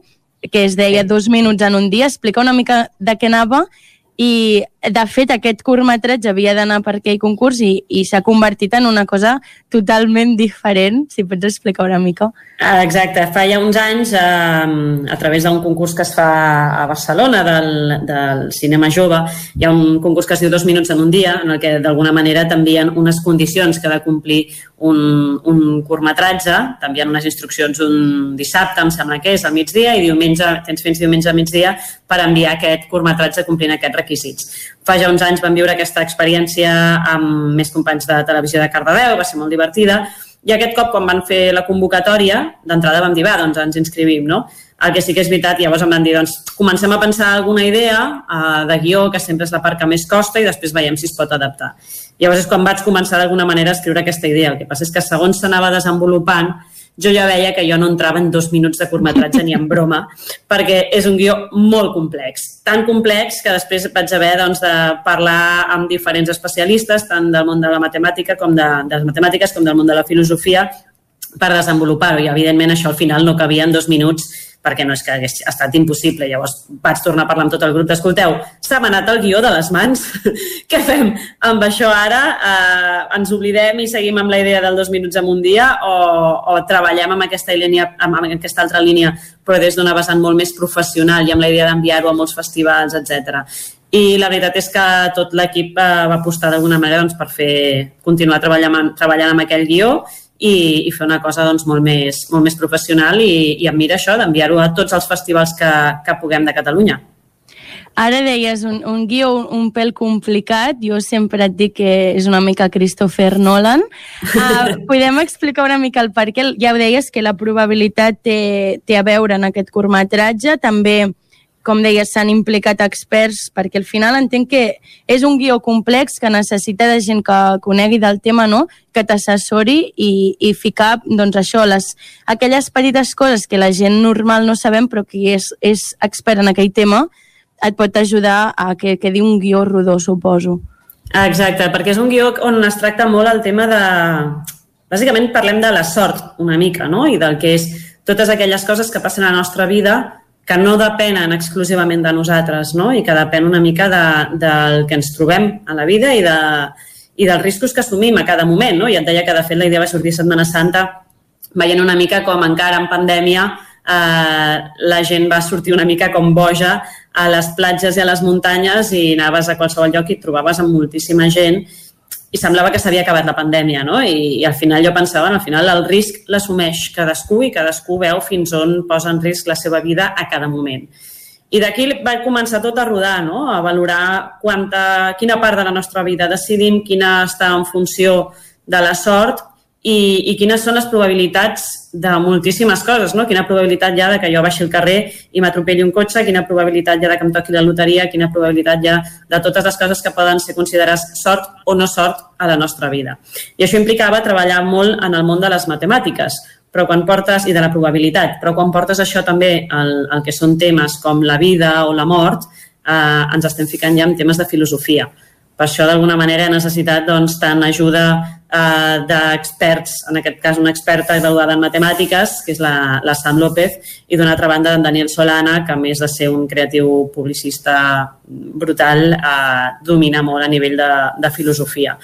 I he comptat doncs, amb aquests dos supercracs doncs, per, perquè tot tingués el seu llacet, perquè és d'aquells guions que, a part de ser complex, et donen una mica la volta, et fan pensar i amb sorpreses finals, evidentment. La Casa Bernoulli també veu, veu molt de, de l'estil o de la manera de fer eh, de Ràdio Televisió de Cardedeu, no? una televisió voluntària, comunitària. Al final aquest eh, curtmetratge s'ha fet també amb voluntaris i també eh, creant les coses, no? És a dir, a part de tots els elements que té la casa, també hi ha X elements que s'han hagut de crear per fer servir, X roba que s'ha buscat a X llocs, no? Vull dir, tot de manera altruista per col·laborar amb aquest, amb aquest projecte. Exacte, sí que la veritat és que és un projecte que si tot l'equip tècnic, totes les coses haguessin tingut la despesa que es té habitualment en el cinema, simplement no l'hauríem pogut fer. I si s'ha pogut tirar endavant és perquè, tot i que sí que hem tingut un recolzament econòmic eh, i una, un petit suport per part de, de l'Ajuntament, per part de la productora, vull dir, per diferents blocs que han pogut posar el seu granet de sorra, diguéssim, eh, s'ha pagat lo justet i el que era impapinable, no? que no tens un altre que comprar-ho perquè no pots aconseguir-ho d'una altra manera. Però tot el gruix tècnic i gran part del vestuari, etc ha, sigut, ha sigut cedit des de la casa a la majoria del vestuari dels extras que, que ha sigut cedit pel Museu de Cardedeu, així com molt altre trezzo, eh, equipament tècnic que teníem nosaltres o que hem pogut eh, demanar, no sé, tot. Eh, el que sí que comentaves tu, que hi ha uns elements que no existeixen, simplement, que són un... Uh -huh. eh, hi ha part de la Trezzo que forma part del meu imaginari a l'hora d'escriure el guió i que simplement no pots aconseguir lloc perquè no existeix, me l'he inventat jo i, i els de Trezzo m'odien des de llavors per això, perquè no eren fàcils de crear, no? I a més s'havien de fer bastanta quantitat. Què ha implicat això? Doncs sí, anar a comprar la matèria prima a la botiga de ferreteria de, tur de turno, no? anar a buscar les fustes, anar a buscar ferros, anar a buscar pintura, per abaratir al màxim el cost de totes aquestes màquines, aparells que s'havien de crear i posar-nos nosaltres, doncs, com ja és quasi una tradició en aquesta casa, eh, durant moltes matinades a tallar fustes, a pintar, a, a fer una mica de la, la bricomania, no, del cap de setmana eh, i entre tots doncs, dissenyar aquesta part de, de Trezzo que és bastant espectacular. A més, deixa'm dir també que en el món del curtmetratge eh, una escenografia tan elaborada no és habitual, perquè els curtmetratges són produccions de molt baix pressupost, que normalment es roden en poc temps i solen tenir un caire molt més costumista, per dir d'alguna manera. I el que hem fet a nivell d'escenografia ha sigut una mica vacilada, i t'ho dic així de clar, perquè no és lo habitual quan, quan graves un curtmetratge que tingui una escenografia i un vestuari tan elaborat i un desplegament tan gran. El que deia una mica estil a Ràdio Televisió de Cardedeu. Exacte. TV3. Una altra de les coses que cridaran l'atenció és la música perquè també té música pròpia, aquest curtmetratge, vull dir, lo tiene todo para triunfar, eh? a veure si, a veure si és veritat que algú t'escolti. Eh, també, sí, sí. Aquí ha sigut una mica d'allò, anar tirant de, de contactes i de gent propera a mi. D'una banda, doncs, tot el grup de, d'amics que és televisió de, de Cardedeu i d'una altra banda he tirat molt de la família també, que sempre doncs, amb aquestes coses eh, posa el seu, la seva part, no? així com abans he dit que, que la Sam López ens havia ajudat amb tot el tema de matemàtiques, la Sam és la meva germana, eh, però també tinc una cosina que és compositora i violoncel·lista i ella ens ha fet un, un, que és el tema principal del curtmetratge, que és un, un bolero a mida específic, que a més a més porta sons del mateix curtmetratge incorporats i, i que ara hem d'anar d'aquí uns dies a gravar en estudi.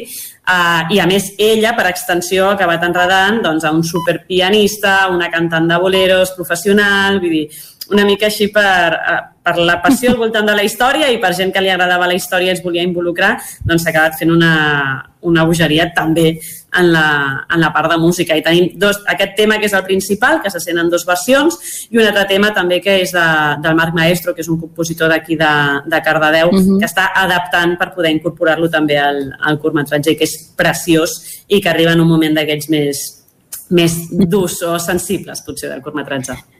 Doncs ja veieu, totes les persones que estan involucrades, però ens estem deixant a les cares visibles, a qui la gent reconeixerà no? quan, quan vegi el curtmetratge. Abans has parlat d'una d'elles, sense que la gent se n'enterés, sense saber-ho, no? del risc, que és com... Ah, exacte. Uh, un dels protes, hi ha tres protagonistes en aquest curtmetratge. Parla'ns una mica d'ells, qui són i qui són a la vida real, també. Uh, doncs sí, efectivament, a part de, de 8 extras guapíssims i guapíssimes, tenim, tenim tres extras, ai, tres extras, tres personatges principals, uh, caràcters molt definits. Eh? D'una banda tenim, a, a, potser seria l'actriu principal, diguéssim, que és la, la Júlia Bonjoc, que és uh, actriu, ha fet sèries, ha fet molt de teatre, de fet és molt especialista en el món dels musicals, actualment està fent eh, Pegados, ara no sé si ha acabat, ja estava fent Pegados al, a Barcelona, i és una crack de. Cardedeu. Uh -huh. D'aquí poc estrena pel·lícula a uh, Filmin. És, és una sèrie, no? Ara feien, ah, que era això sèrie. és una sèrie, perdona. Sèrie Contiguo. Van gravar, Fan... sí, ah, exacte. gravar durant el confinament. Ah, exacte. La Júlia és molt crac i és d'aquelles artistes de Cardedeu que, que sabem tots que d'aquí uns anys veurem, veurem en lo más alto, no? I, I es va deixar enredar també d'alguna manera pel curtmetratge, perquè havia fet algunes cosetes amb Tele Cardedeu, ens coneixem fa temps i, i s'hi va afegir. Eh, I el seu personatge, d'alguna manera, és el que trenca eh, la història o la situació que ens trobem en aquesta casa modernista, no? I és qui descontrola una mica la, la situació però en realitat ella no sap ni del tot què fallar i fins aquí ho deixo. Eh, D'un altre en risc, que és de qui us parlava abans, que d'alguna manera és el, el savi, no? per dir d'alguna manera, és qui té el coneixement, és qui pot donar resposta a moltes de les preguntes que s'obren, però que també anirà veient que tampoc té la resposta de tot. I és també el seu aprenentatge, no? I en risc podríem dir que és com el, una imatge ens podríem fer com un tip professor, un catedràtic d'universitat, no? un mig científic boig, per dir-ho d'alguna manera, i està representant, l'actor que hi ha darrere és l'Enric Alegre, també un actor de Cardedeu, a qui hem pogut veure molt en musicals de, de Molt conegut teatre. aquí Cardedeu, també, sí. Ah, exacte, exacte. Ha estat així com a... Va estar a Cross the Universe, ha estat a Gloops, en Si fa no fa teatre, diria que va estar a Jerusalem també, vull dir, no, no, no, ha, parat, no ha parat massa. I tenim un, un altre personatge que passa com més discret perquè potser no té tant text com aquests dos principals, però en realitat té un pes molt gran en el que és la història en si i en l'encaix eh, de tot, que és la Ida, que en realitat està, està qui hi ha darrere és la Ida Moré, converteix en nom en aquest cas, i és una actriu també d'aquí Cardedeu, que actualment està fent moltes coses al lliure i fa moltes feines també amb el, amb el museu, vull dir que en aquest sentit a nivell època ja ho tenia ella molt per la mà, el modernisme, però, però insisteixo, és un personatge que quan veieu el curtmetratge veureu que tot i que no té tant de text, és molt important fixar-se en ell. Doncs molt bé, Maria. Eh, tres personatges molt interessants que ja veureu com, com es lliguen entre ells, quina és la trama. I això ho podrem veure quan? Quan s'estrena, que suposo que és la gran pregunta, on ho podrà veure la gent? Deies que és per presentar festivals, llavors entenc que s'haurà d'esperar no per veure, però potser el tràiler o, o alguna ah, cosa. Exacte, aquest estiu sortirà segur aquest tràiler perquè en principi eh, està previst que durant la festa major de Cardedeu es faci eh, una petita preestrena, però sí que és veritat que és un, que el, tenia, diguéssim, un cicle eh, de cara a festivals eh, de Catalunya i d'Espanya, en principi de curtmetratges, no es pot penjar directament a les, a les plataformes habituals, eh, perquè la majoria, de, hi ha molts d'aquests festivals que et demanen doncs, això, no? que no estigui accessible a tothom, que no estigui obert. Ah, exacte, llavors l'has d'enviar com en, en plataformes en privades o amb contrasenya, llavors haurem d'esperar una mica. La manera de veure de moment doncs, serà visitant aquests festivals, que molts d'ells ja tornaran a ser oberts d'aquí poc i es podrà tornar a fer visionats uh, com es feia abans als festivals, que era una cosa, és les coses més maques que tenen els festivals de curtmetratges, poder seure allà i compartir amb més gent aquests visionats. I, i ja us dic a Cardedeu en principi es farà aquesta petita preestrena doncs, també per agrair a tota la gent de Cardedeu que s'ha implicat i, i ens ho han posat tan fàcil. Doncs a casa, si voleu saber quan passa tot això, si voleu venir també aquesta preestrena o voleu estar al dia del que passa amb aquest curtmetratge, podeu seguir les xarxes socials a arroba la Casa Bernoulli, que Bernoulli s'escriu amb O-U, però bueno, si busqueu la Casa Verd ja, ja us apareixerà. Maria, moltes gràcies per tota aquesta informació, per aquest projecte magnífic que segur que arribarà lluny. Moltes gràcies, Núria. Em sap greu perquè avui dijous acabaran farts d'escoltar-me avui, eh? no passa nada, com sempre. I nosaltres ara anem a les estrenes de la setmana. No t'ho perdis. Estrenes de la setmana. Doncs avui haurem de passar per les estrenes de setmana ràpidament, perquè després de la conversa amb la Maria no tenim gaire temps, però comentar que aquest cap de setmana al cinema Esbarjo tindrem My Mexican Bretzel avui a les 8 de la tarda com a pel·lícula dins del cicle Gaudí i aquest cap de setmana, 18, 19 i 20, hi haurà la pel·lícula de Pride, una comèdia dramàtica en versió original en anglès que estarà subtitulada en castellà ambientada a l'estiu de 1984. I després al cinema Sucre de Vic tenim aquesta setmana com a estrena En un barrio de Nueva York, una pel·lícula del John Machu. És l'adaptació del musical de Broadway de Lin-Manuel Miranda, en el que el propietari d'un celler dubta sobre si tancar el seu negoci i retirar-se a la República Dominicana després d'heretar la gran fortuna de la seva àvia. Amb aquestes estrenes tanco. Aquest estiu n'hi haurà moltíssimes més que podeu anar a veure als vostres cinemes podeu anar a veure pel·lícules cinema a la fresca, que sempre ve de gust. I després, com ja us dèiem, atents a les xarxes socials de la Casa Bernoulli, a les xarxes socials de Ràdio i Televisió de Cardedeu, per saber quan s'estrena aquest curtmetratge i què acaba passant amb ell. Si de cas la temporada vinent ja tornarem a parlar amb la Maria per veure què ha passat i què se n'ha fet d'aquest curtmetratge. I nosaltres ens veiem la temporada vinent. Que passeu un molt bon estiu. I una mica força més tard del compte, quan són les 11 i 7 minuts i mig del matí, el que farem ara és portar-vos de nou l'actualitat de les nostres comarques, l'actualitat de les comarques del Ripollès, Osona, el Moianès i el Vallès Oriental. Territori 17, amb Vicenç Vigues i Jordi Sunyer.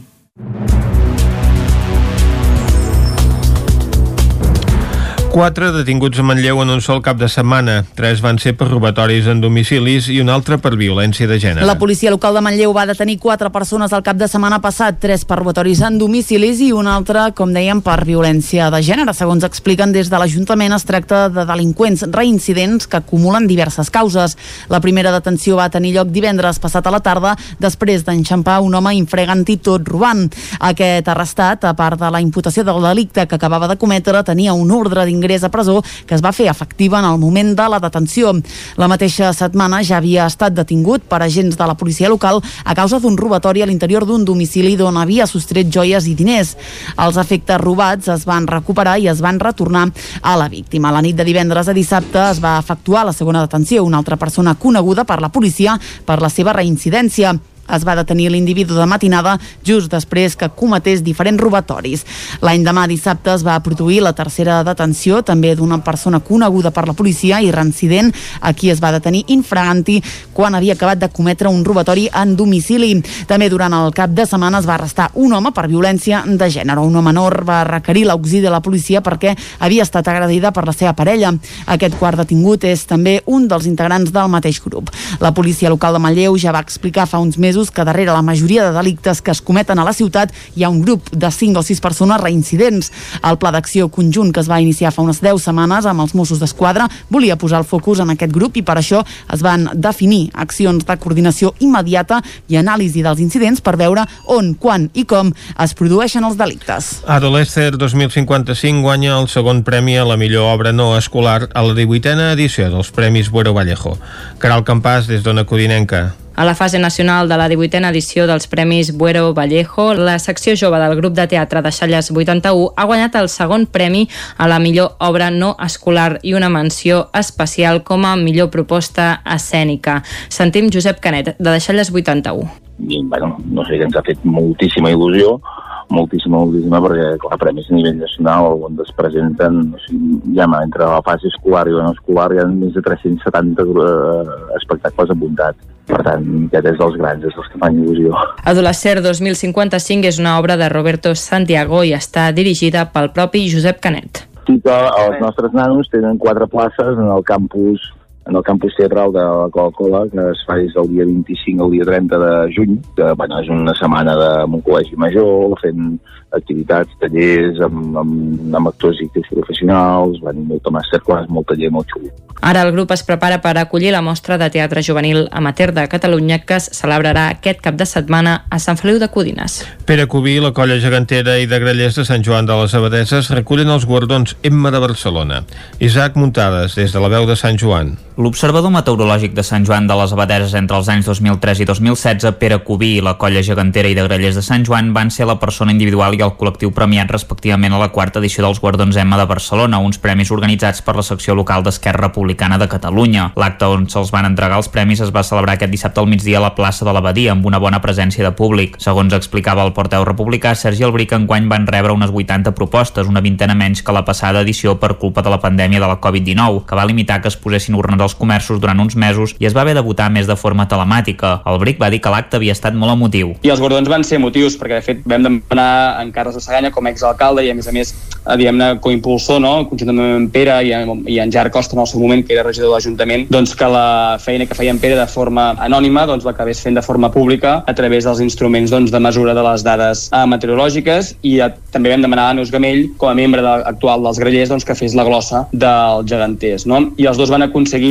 doncs, coneixedors dels temes i de les persones i dels col·lectius que parlaven doncs, que, que, que fos un acte emotiu. A més, l'acte també va servir perquè Montse Bassa, diputada al Congrés de Madrid i germana de la consellera empresonada Dolors Bassa, fes una conferència per presentar el llibre Carregades de raons. Sobre la tasca d'en Pere Cubí en va parlar la seva dona, Maria Ferrer, que recordava com en Pere apuntava cada dia en una llibreta al matí i al vespre les dades de temperatura, d'humitat i meteorològiques. Fins i tot en una mateixa fulla de la llibreta hi havia dades del mateix dia però de diversos anys diferents per poder-ho comparar ràpidament. Cubí i Ferrer encara recordaven algunes curiositats curiositats. Jo tinc apuntat el dia que ha fet més fred de cada any. El dia que ha fet més calor també. Jo tinc apuntat una plana a part tot. De calor de 38 a 40 em sembla que hi vam arribar, deu fer 40, poder el 94 o 95. I de mínima, aquella vegada, Pere, de l'any 85, que no era pas oficial el termòmetre en què mirava, però era un d'aquests termòmetres així casolans, va veure 21 graus sota zero. Això no sé si eren les 7 del matí o una cosa així, però hi havia molt fred a tota Catalunya, inclús bastanta neu a tot arreu, que inclús la, els trens van haver de parar perquè se'ls glaçaven coses. Per la seva banda, el cap de colla de la colla gegantera i dels grellers de Sant Joan, Santi Ferriol, posava en relleu que els gegants haguessin complert 40 anys i els grellers 10. La pandèmia ha fet que aquests darrers temps fossin complicats, però durant el confinament total, uns dos mesos sortien a les 7 de la tarda al terrat per tocar la gralla durant un quart d'hora. Ferriol troba molt gratificant el fet d'anar a diversos pobles d'arreu de Catalunya a portar els gegants. Això sí, mig rient va reconèixer que els grellers van tenir un començament difícil.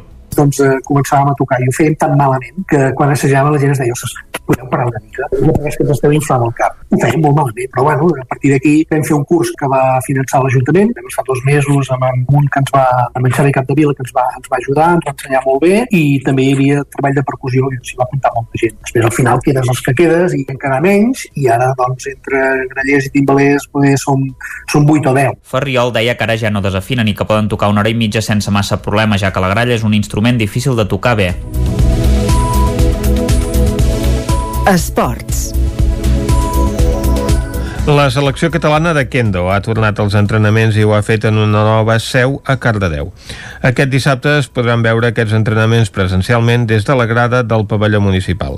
David Oladell, de Ràdio Televisió, Cardedeu. El kendo és una de les 18 arts marcials que havien d'aprendre els samurai, els antics guerrers del Japó. Podríem dir que és l'equivalent a l'esgrima actual a Europa, un art marcial que requereix d'armadura i un sabre de bambú.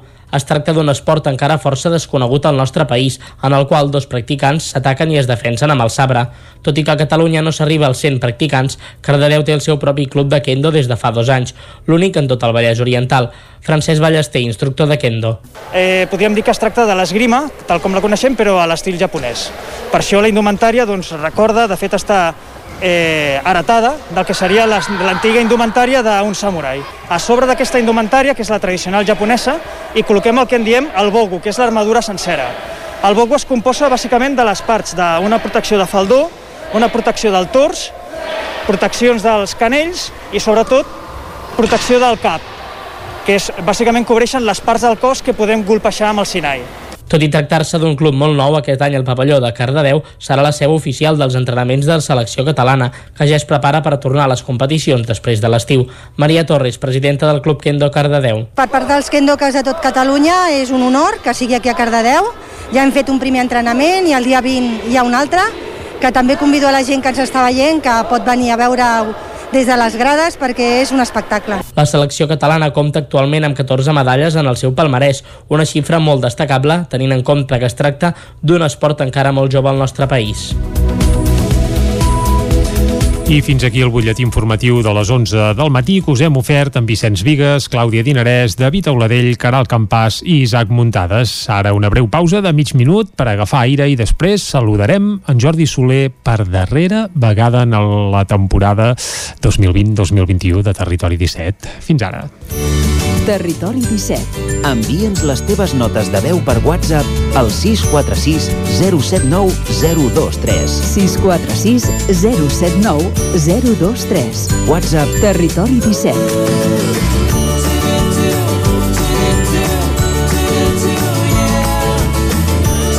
Territori 17. Som a Facebook, Twitter i Instagram amb l'usuari Territori 17.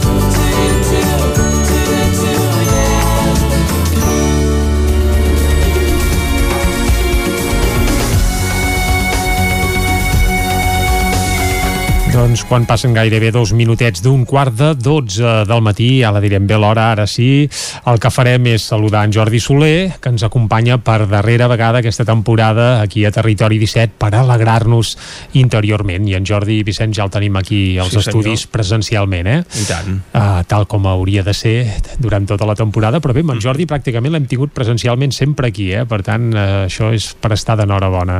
Jordi, bon dia, eh? Molt bon dia. Uh, De què ens parlaràs avui per cloure bueno, temporada? Avui la sisena temporada, eh? portem sis anys. Carai. Clar, vas arrencar ja amb l'hora de la veritat, recordo que es deia abans al Sí. magazín que fèiem al matí aquí al nou FM, uh -huh. amb en Jordi Molet, uh -huh. i sis anys seguits alegrar-nos interiorment, això és un festival, eh? I mira, com a... una mica com a commemoració d'aquestes sis temporades recordem com vam començar la primera la primera edició, el primer programa vam començar parlant dels quatre cors del Miquel Ángel Ruiz. I m'agradaria avui cloure també amb, parlant dels quatre cors. Sobretot perquè és una és un resum, és un compendi una mica de uns manaments molt importants, molt útils, que ens serveixen en tots els entorns Mhm. i que aquestes quatre premisses que ens resumeix el Miquel Ruiz amb, amb el seu llibre dels quatre acords basats en la sabidoria tolteca ens poden ajudar de moltes maneres. Doncs va, quins són aquests quatre acords? El primer és posar molta cura amb les paraules, ser impecable amb les paraules, amb el que diem. No ens n'adonem per falta de consciència i moltes coses de les que diem ens les diem en contra nostra. El, el no puc, el no ho sé, el no ho aconseguiré paraules que fereixen fins i tot les persones que ens envolten i de les que no en som conscients el fet de no escoltar prou bé el nostre discurs fa que a vegades eh, aquest diàleg o, o aquestes paraules doncs eh, creïn una situació que no ens és favorable. Doncs en el moment que prenem consciència d'això i seleccionem una mica el nostre eh, el nostre llenguatge aprenem a utilitzar eh, un, un enfoc que ens vagi sempre a favor. Vull dir, coses que ens poden, se'ns poden presentar com una dificultat en lloc de dir això és una dificultat és transformar-ho en dir és una oportunitat per, per avançar, per aconseguir per, per avançar a pesar de que potser no serà prou fàcil però que si d'alguna forma ho enfoquem a través de les paraules en positiu, això ens ajudarà. Per tant, mm -hmm. siguem impecables amb el nostre llenguatge, amb les paraules que diem, eh? perquè això genera doncs, un estat d'ànim, una situació en nosaltres i en el nostre entorn. Primer, primer acord. Eh? Vicenç, cura amb el llenguatge. Sí, senyor. Eh? Vull dir que és molt més important del que ens pensem i posem poca consciència eh? i sobretot amb coses que, que no ens afavoreixen per tant, siguem impecables amb les paraules que, que matem segon acord no ens agafem res a nivell personal vull dir que moltes situacions que ens creen malestar generades per el nostre entorn a vegades eh, augmentem aquest malestar deduint, interpretant que és una qüestió personal Vull dir que qualsevol persona que ens generi un malestar, una incomoditat, si afegim aquesta connotació de que és una qüestió nostra, uh -huh. ho estem engrandint innecessàriament. Ningú vol generar un malestar en nosaltres. En tot cas, és un estat que pugui tenir aquella persona que el fa actuar d'aquella manera, però no és una qüestió personal. Vull dir que totes les situacions que ens incomoden eh, no les hem de interpretar com una cosa causada per nosaltres o que va dirigida cap a nosaltres. Uh -huh. Una mala paraula adreçada a nosaltres no és una cosa que generem nosaltres, és una cosa fruit d'un estat d'ànim determinat de la persona que l'emet.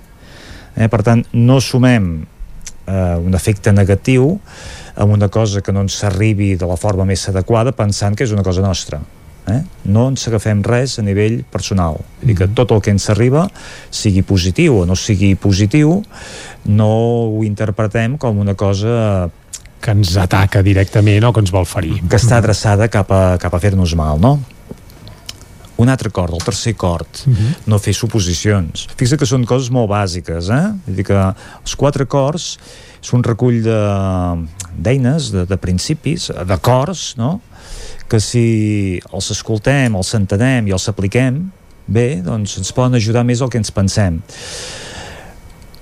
el fer suposicions, el fer judicis, el interpretar coses que no sabem ben les al·lucinacions, vull dir que sortir de lo que podem verificar i entrar en coses que no coneixem però que ja hi posem etiquetes. Si aquestes etiquetes ens van a favor, igual que el llenguatge, doncs endavant. Però si no ens van a favor, evitem-les, aturem-les no? vull dir que les suposicions, els judicis si han d'afavorir el nostre entorn si ens han d'afavorir nosaltres endavant.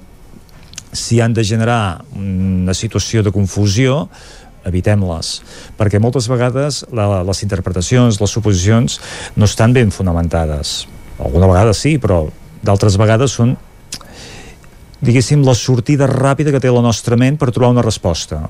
Mm. jo no tinc la solució però la nostra ment per trobar una solució per encaixar, la crea, la fabrica i a vegades poc fonamentada i aquesta suposició, mm. aquesta, aquest judici doncs eh, no sempre ens, ens ajuda i no sempre ajuda al nostre entorn no? i a vegades fem la bola més grossa partint d'una cosa inexistent eh? per tant tinguem cura del que diem sapiguem que les coses no van adreçades a nosaltres i no fem suposicions eh, prenguem consciència no de que el que diem estigui ben fonamentat eh? Mm. que no comencem a deduir a jutjar perquè això en pocs casos ens serà favorable mm -hmm ens queda un cor, Jordi. El quatre acord, el quart acord. El quart acord és donar el màxim de nosaltres, fer les coses el millor possible. No? Sempre que donem el màxim, sempre que ens comprometem, sempre que fem el que estigui a les nostres mans eh, al 100%, a pesar del resultat que obtinguem, ens quedarà una bona sensació. Moltes vegades no aconseguim els nostres objectius, els nostres propòsits eh, doncs no són factibles, no? El resultat que obtenim no és l'esperat. Això és possible que es produeixi. Si nosaltres ens hem compromès al 100%, si el, la nostra entrega realment és plena, eh, independentment del resultat, el que ens quedarà serà una bona sensació. Per tant, donar el màxim de nosaltres és una ajuda que tenim per, per alliberar-nos una mica de la culpa de les càrregues que ens posem quan no arribem allà on hem d'arribar eh? jo si vaig a una cursa i dic que haig d'arribar primer mm, igual tinc una frustració igual tinc un desengany tinc un... Vaja, aquella, fe, aquella frase feta del qui fa tot el que pot no està obligat a més seria sí. una mica aplicar-se-la en aquest dia a dia, eh? Una en aquest això. dia a dia, esclar, si jo he entrenat, he practicat, he, he fet totes les coses perquè pugui obtenir un millor resultat, uh mhm. -huh. al final el resultat és el de menys. Vull dir que jo he fet tot el treball previ. Eh? És el noi que estudia pels exàmens, vull dir, si ha estudiat, si s'ha preparat, al final el resultat, dius, bueno, és el que és. Vull dir que jo he fet tot el que estava a les meves mans. Això d'alguna forma et descarrega. Descarrega aquest sentit de culpabilitat quan en alguns casos no arribem allà on volíem arribar. Mhm. -huh i aquests són els quatre acords. Com et ressonen, Jordi? Oh, fantàstics. No, no. Jo, els acords sempre sonen bé si, quina, si estan ben... Quina si, ha, més l'atenció? Si hi ha terceres o d'allò... Uh, està, està bé aplicar-se'ls, tenir-ho en compte i a més és un bon resum per, uh, com a filosofia gairebé vital, no? I d'enfrontar-se a les coses. Uh, el, el que et crida especialment l'atenció, quin el veus més útil? Per Mira, el més útil, clar, i, i, és a dir, no, no parlo per mi, eh, però pensant en la gent en general, potser estaria bé aquest segon que no s'agafin res a nivell personal, perquè molta gent de vegades és allò que és una manera de crear zitzània i malestar, allò és que no sé què, és que em diuen això, és que no sé què, perquè és que em tenen manies, que no sé què. Això ja de ben petits, pot passar en una aula, en una escola, i de més grans, doncs, en l'àmbit laboral o en d'altres àmbits, no? I jo també penso que, escolta, no hi ha ningú que et vulgui posar el dit a la llaga expressament i segurament sense voler algunes vegades sí, eh? però hauríem de partir d'aquesta premissa que en el fons ningú ens vol fer mal, ni ningú vol fer mal a ningú, no? Aquest és el que uh, passa més desapercebut, precisament. Segurament que sí, però potser és el que Hem de no sé, penso atenció. jo que hi hauríem de parar més atenció perquè segurament ens ajudaria a caminar sense tantes motxilles a l'esquena i tants mal de caps. Caminar més lleugers, alliberar-nos d'aspectes que, bueno, que, que, no, que són virtuals, que són ficticis, que els hem mm. creat nosaltres, no? Per tant és, uh, és una bona opció em quedo amb aquesta Va, doncs mm -hmm. jo també i en Vicenç, no sé amb quina es queda Vicenç... Bé, ja que som a la ràdio ens hem de quedar molt de parlar bé, no? Ah, sí, això Aquest. també, aquí també hem de posar molta sí. cura doncs ho farem bé, ens acomiadem Jordi, t'esperem la temporada que ve per això, eh? per tant, uh, bon estiu Moltes gràcies mm -hmm. I nosaltres ara també ens acomiadem, fem una pausa, tornem a dos quarts en punt Molt bé, fins ara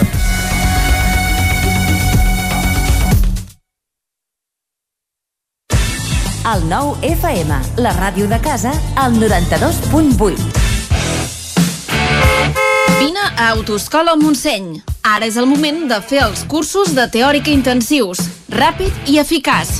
T'informarem dels PACs. Permís de moto de 16 i 18 anys i permís de cotxe. I si vens a veure'ns, tindràs un obsequi. Apunta't i no t'ho pensis més. Per més informació, Autoscola Montseny, Rambla de Vallades, número 13 de Vic. Busca'ns a Instagram i Facebook. Ravella de Sant Joan, al restaurant Casa Vostra. Sopar, música en directe amb Joan Aromí, fi de festa amb coca, llangonissa i cava. Vine i disfruta de la Ravella de Sant Joan amb un bon sopar i la millor música. Restaurant Casa Vostra al carrer Pla de Balanyà, número 18 de Vic. Fes la teva reserva al 639 355 320. Cocodril Club. Si t'agrada la bona música dels anys 60, 70 i 80, escolta el 9 FM els matins de dissabtes i diumenges d'11 a 1. És el temps del Cocodril Club, tot un clàssic de la ràdio, amb les bases del pop-rock, les llegendes, les cançons que s'han convertit en autèntics himnes. Recorda, dissabtes i diumenges al matí, d'11 a 1, al 9 FM 92.8. Cocodril Club, el programa revival de l'Albert Malla. Hasta luego, cocodrilo. Necessites cultura, espectacles i diversió?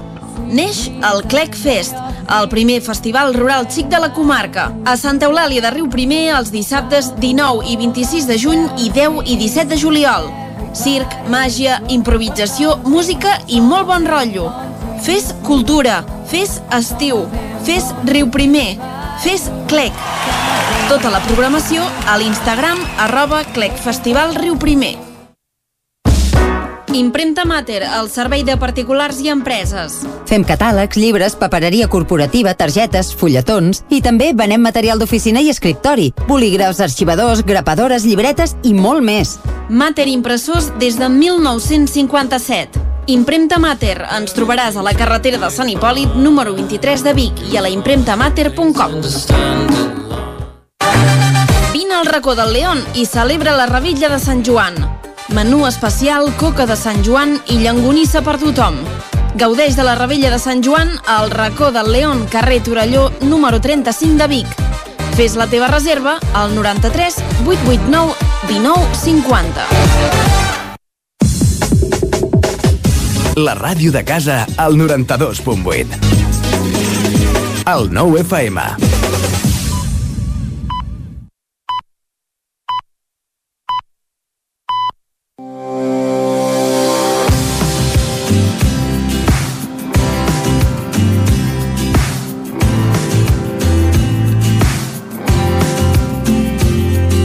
El nom de Vallgorguina el trobem citat per primer cop al segle X en un document del cartolari de Sant Cugat, però els primers assentaments de població són molt anteriors.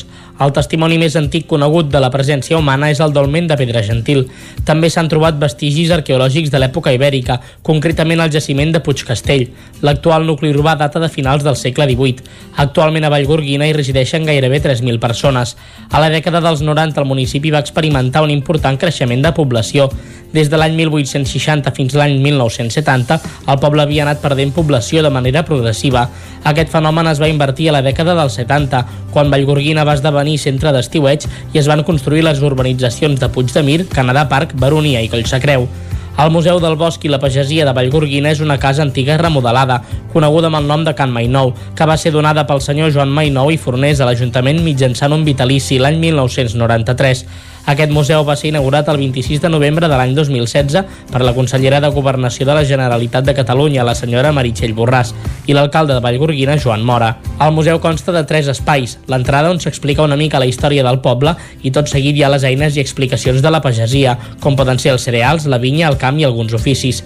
Si sortim al pati podrem veure un carro i cavall amb els seus guarniments i unes pedres del Molinou, l'últim molí que hi va haver a Vallgorguina. Si pugem al primer pis hi trobarem la història i tots els estris que es feien servir quan es treballava al bosc, com s'abastaven les pinyes de pins, com es feia el carbó, l'ofici i història dels tapers a Vallgorguina, les eines del bosc i també hi ha un apartat sobre l'excursionisme al poble i un altre dels animals i ocells que viuen al bosc. El dolmen de pedra gentil és una construcció megalítica formada per set lloses clavades verticalment al damunt de les quals es troba la pedra de coberta. Actualment desconeixem quin era l'aspecte original del dolmen de pedra gentil. Gràcies a la documentació escrita sabem que l'any 1855 va ser restaurat pel senyor Josep Pradell, propietari de la finca on es troba ubicat. L'església de Sant Andreu de Vallgorguina és d'una nau amb l'absis quadrat. La coberta de volta de llumetes i cornisa seguida està sostinguda per grans matxons exteriors que alhora la divideixen en quatre trams. La façana de perfil sinuós motllurat està arrebossada i emblanquinada. A la porta principal s'hi accedeix per una escalinata de dos trams. És d'arc rebaixat i a sobre d'aquest arc hi ha una fornícula amb la imatge de Sant Andreu. Al capdamunt hi ha un gran òcul i en el coronament un petit ull de bou. El campanar situat a la banda de migdia és de dos cossos. El primer és de planta quadrada, té dues finestres i un rellotge, sobre el qual arrenca el segon cos, que passa a ser octavat. Aquest té quatre buits per les campanes. Sobre aquest segon cos hi ha un acabament amb balustres. A l'interior, a més de l'altar del Sant Patró, hi ha sis capelles laterals amb les imatges d'època moderna.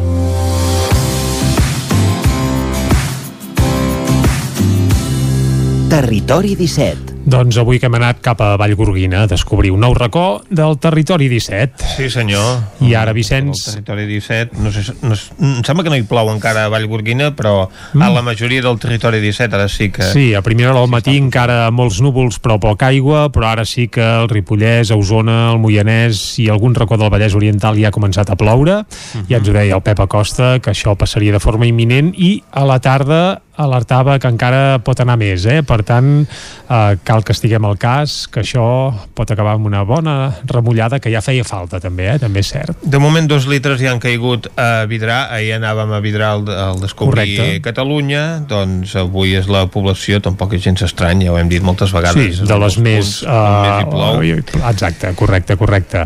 I això sí, el que hem de fer ara és anar cap a la R3, on en teoria si plou no passa res, eh? però com que sempre hi ha accidents uh, ja ens hi trobaríem. No Va, anem cap a la Trenc d'Alba i després saludarem a la cineasta Maria López, eh? Ah, Li... Ara la R3. A Trenc d'Alba, edició pandèmia. Ara sense els usuaris que ens explicaven les seves desgràcies a la R3, però amb els mateixos retards i problemes de sempre. Benvinguts a Tren d'Alba. Des de la pàgina de Twitter de Rodalies ens recorden que és obligatori l'ús correcte de la mascareta a tota la xarxa de transport públic i en tot moment, a més d'insistir en que no es pot menjar ni beure res al transport públic. Tot això és per tal de garantir un viatge segur. A veure, aquí també s'hauria de tenir en compte que potser hi ha gent que ha de fer viatges llargs i en aquests dies de tanta calor almenys s'hauria de poder veure alguna cosa per no deshidratar-se, encara que el tren disposi d'un aire condicionat decent. Potser hi ha gent que per certes malalties necessita menjar bé, per tant, tampoc no cal fer de policies de vagó i començar a fotografiar tothom que incompleixi la norma perquè potser ens trobem que ho fa perquè si no la seva salut en podria sortir perjudicada. De fet, hi ha un missatge de l'usuari Josep Anton Cabrera que reflecteix que potser menjar i beure no són el problema principal, sinó que es pregunta que qui controla la gent que es passa el viatge parlant amb el mòbil, o senzillament parlant amb una altra persona que l'acompanya, també dels que toquen un instrument i alhora canten, etc. Ja ho veieu, hi ha moltes coses que s'han de controlar abans. Va, ens retrobem demà amb més històries del tren i de la R3. Territori 17 el racó de pensar, a Territori 17. Doncs vinga, Vicenç, quan passen 5 minuts i mig de dos quarts de 12 del matí, és el moment del racó de pensar, és el moment de la Maria López, uh Mhm. -huh. que hem descobert avui, gràcies a la secció de cinema, que, escolta, d'aquí quatre dies la tindrem amb un gaudí als dits i tot, potser, eh? És una gran cineasta, sí senyor. Maria, no te la sabíem aquesta, eh? Molt bon dia. Doncs no Bé, la sentim, la deu, Maria. deu estar rodant, deu estar Segurament. rodant ja possiblement alguna de les... De, vaja, aquest seu curtmetratge que ja esperem ansiosos, eh? Esperem poder-el veure ben aviat. Per la ràdio no el podrem veure, sí, però- no, per la ràdio serà complicat, això, això és ja cert. ens eh? recomanarà la Núria quan aparegui a Netflix. Exacte, exacte. Bueno, o a Ràdio i Televisió de Cardedeu. També, Evidentment, també. home, clar que sí, clar que sí. Maria, molt bon dia. Carai. Molt bon dia, Ara, Jordi Vicenç, com ara esteu? Sí, ara sí, no, no, és que clar, estàvem parlant de que desconeixíem eh, la teva faceta cinematogràfica, eh? No la teníem controlada. Ah, sí, han sortit, han sortit draps bruts, eh, avui aquí, ha sortit, nets, nets, ha sortit escolta, tot. només faltaria. Uh, per quan no tenim previst això? Quan podrem gaudir de la teva estrena cinematogràfica? Doncs en principi està previst que fem la- l'estrena ara el, el, durant la festa major, amb un espai nou que es vol crear, diguéssim, a nivell audiovisual, i aquí tenim prevista una preestrena, el que passa que és, que és veritat que, que no es pot... Després no el podem penjar, de moment, perquè ha de donar una mica de volta pels festivals, i la majoria et posen aquesta, aquesta limitació, no? que sigui una cosa exclusiva, que no estigui a l'abast de tothom, eh, i llavors no la podrem, no el podrem anar penjant de seguida, però bueno, ho farem, ho farem. Quan hi hagi, hi hagi passat per tots els festivals possibles, el pensarem perquè el pugui veure tothom. Va, doncs evidentment estarem al cas i Maria, ara no ens vols pas parlar de cinema, sinó que el racó de pensar d'avui crec que ens parlaràs de la selectivitat, oi? Ah, exacte, exacte, perquè fa tot just una setmana milers de joves del nostre país s'enfrontaven al que és segurament un dels moments de la vida on passen més nervis i que pot ser a més molt determinant pel que és en el, el seu futur, a la seva vida, és, és com un moment clau, no? Uh, I és que durant tota la setmana passada es van celebrar les proves de la famosa selectivitat. Anem a la definició oficial del que seria la selectivitat. Parlem d'una prova obligatòria per als alumnes de batxillerat que té com a finalitat valorar els coneixements i capacitats adquirits durant aquests estudis i comprovar que es posseixen les competències necessàries per a realitzar amb èxit un grau universitari. I ja la definició en si comença a plantejar alguns dubtes dels que volem parlar a la tertúlia d'avui. Perquè fins a quin punt una sola prova pot determinar o ha de determinar l'accés a, una, uns estudis en concrets i, per tant, el futur d'una persona. És justa la selectivitat com a via d'accés a la universitat feta o plantejada tal i com està feta ara? Aquest any, a més, també s'ha obert un nou, debat, un nou debat pel que fa a la possibilitat d'oferir les proves en castellà, que en això amb la pretertúlia que comentàvem ara amb els docents que ens acompanyen avui, veiem també que s'ha fet una visió una mica potser exagerada o més, més podríem dir buscant una mica de morbo, quasi, per dir-ho d'alguna manera, sobre tot aquest tema de la llengua a la prova. Com han viscut i patit els joves de, de Catalunya la selectivitat després d'un curs complicat per aquests confinaments intermit, intermitents? I els docents també, com valoren aquesta prova i fins a quin punt es fan responsables després dels resultats dels seus alumnes, que això també ho volem saber. Per parlar de tot això avui estic super ben acompanyada. Mireu, d'una banda m'acompanya la Navet, que acaba d'entrar per la porta, pobreta. Just... Bon dia, Navet. Bon dia, bon dia. Ella és estudiant i fa tot just una setmana a aquesta hora em sembla que estava patint moltíssim, segurament passant uns nervis que ara, que ara ens explicarà. I ens acompanya també l'Enric Alegre, ell és cap d'estudis de l'Institut del SUI, i la Feli Sánchez, que és docent del mateix institut. Bon dia. Bon, bon dia. Doncs escolteu, som-hi, perquè començaré per la afectada directa. Navet, com va anar aquesta prova i com estàs ara ja que ja han passat tots els no, nervis? No, molt bé, molt bé, la veritat, molt, molt nerviosa jo no estava, realment considero que ens han preparat molt bé i que, vull dir, que portàvem dos anys de preparació i total, que tampoc pots patir gaire per aquesta prova. Ara, però, sí que és veritat no, que hi ha un punt de nervis, un punt també del de, el viatge, anar a una universitat a fer un examen així, potser i no, ara molt bé, la veritat, és, és un, un descans, no? que estàs més tranquil i que ja ho tens fet i estàs orgullós no? també de tot el que, tota la feina i bueno, ja, ja, es veurà, ja es veurà com ha anat. Perquè la setmana que ve ja teniu resultats, no sé si en el teu cas eh, tens, t'has posat com una Tens un barem molt alt al que vols arribar en funció dels no, estudis? No, jo només vaig fer la fase general perquè me'n vaig estudiar a l'estranger, llavors no necessitava gaire gaire nota, ja vaig fer un altre tipus de selecció, però sí, no, depèn molt de la persona, jo crec, llavors mm, el molt que t'exigeixes i, i no? Vull dir que per un punt els nervis jo crec que també influencien això, si vas a més nota o menys, però no, jo la veritat estic molt tranquil·la, no, pensava que seria molt d'espera de, ostres, està a punt d'arribar, però que va, que va. T'ha passat molt ràpid. tranquil·la, sí, sí.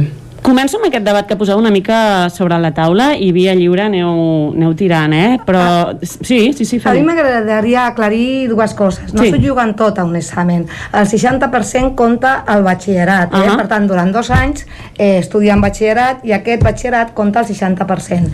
La selectivitat, la part comuna, compta el 40%. Però, però anem aquí, precisament, o sigui, és correcte que no és una sola, no Bueno, és tota una eh, carta, però un 40 és una quantitat bastant, no, bastant dic, alta, no no? dic que no. Eh, hi ha gent que opina que igual hauria de comptar més, eh? que aquí hi ha, hi ha raonaments de tot tipus.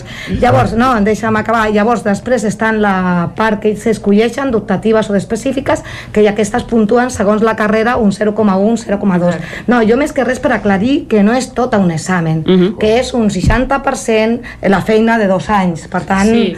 eh, I, el- I el 40% restant no és un examen, són Molts cinc exàmens, no? són no molts exàmens, són cinc sí. exàmens, no? Sí, català, Vull dir, cinc sí. exàmens de, de cinc matèries eh, el, Comunes. comunes eh, algunes de les quals són com acumulatives, són, Mm. acumulen tot el coneixement que han adquirit al llarg de sis anys, eh, diríem. Sí, jo...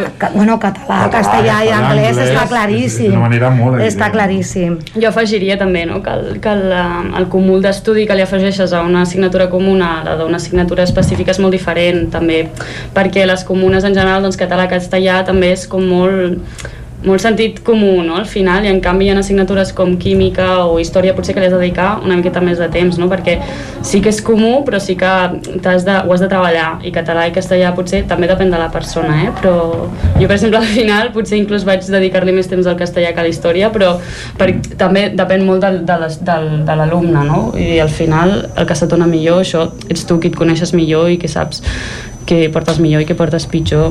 Sí. Llavors, d'alguna manera, si depengués de vosaltres, si imagineu-vos que ara teniu, sou ministro de d'Educació, Home, Sí, segur de- que ho feien millor, veritat. Eh, no cal gaire, eh? Ho sento, eh? Però... el que vull dir és, d'alguna manera, si depengués de vosaltres, eh, faríeu la selectivitat igual o plantejaríeu uns canvis en la manera en què la gent accedeix a la universitat?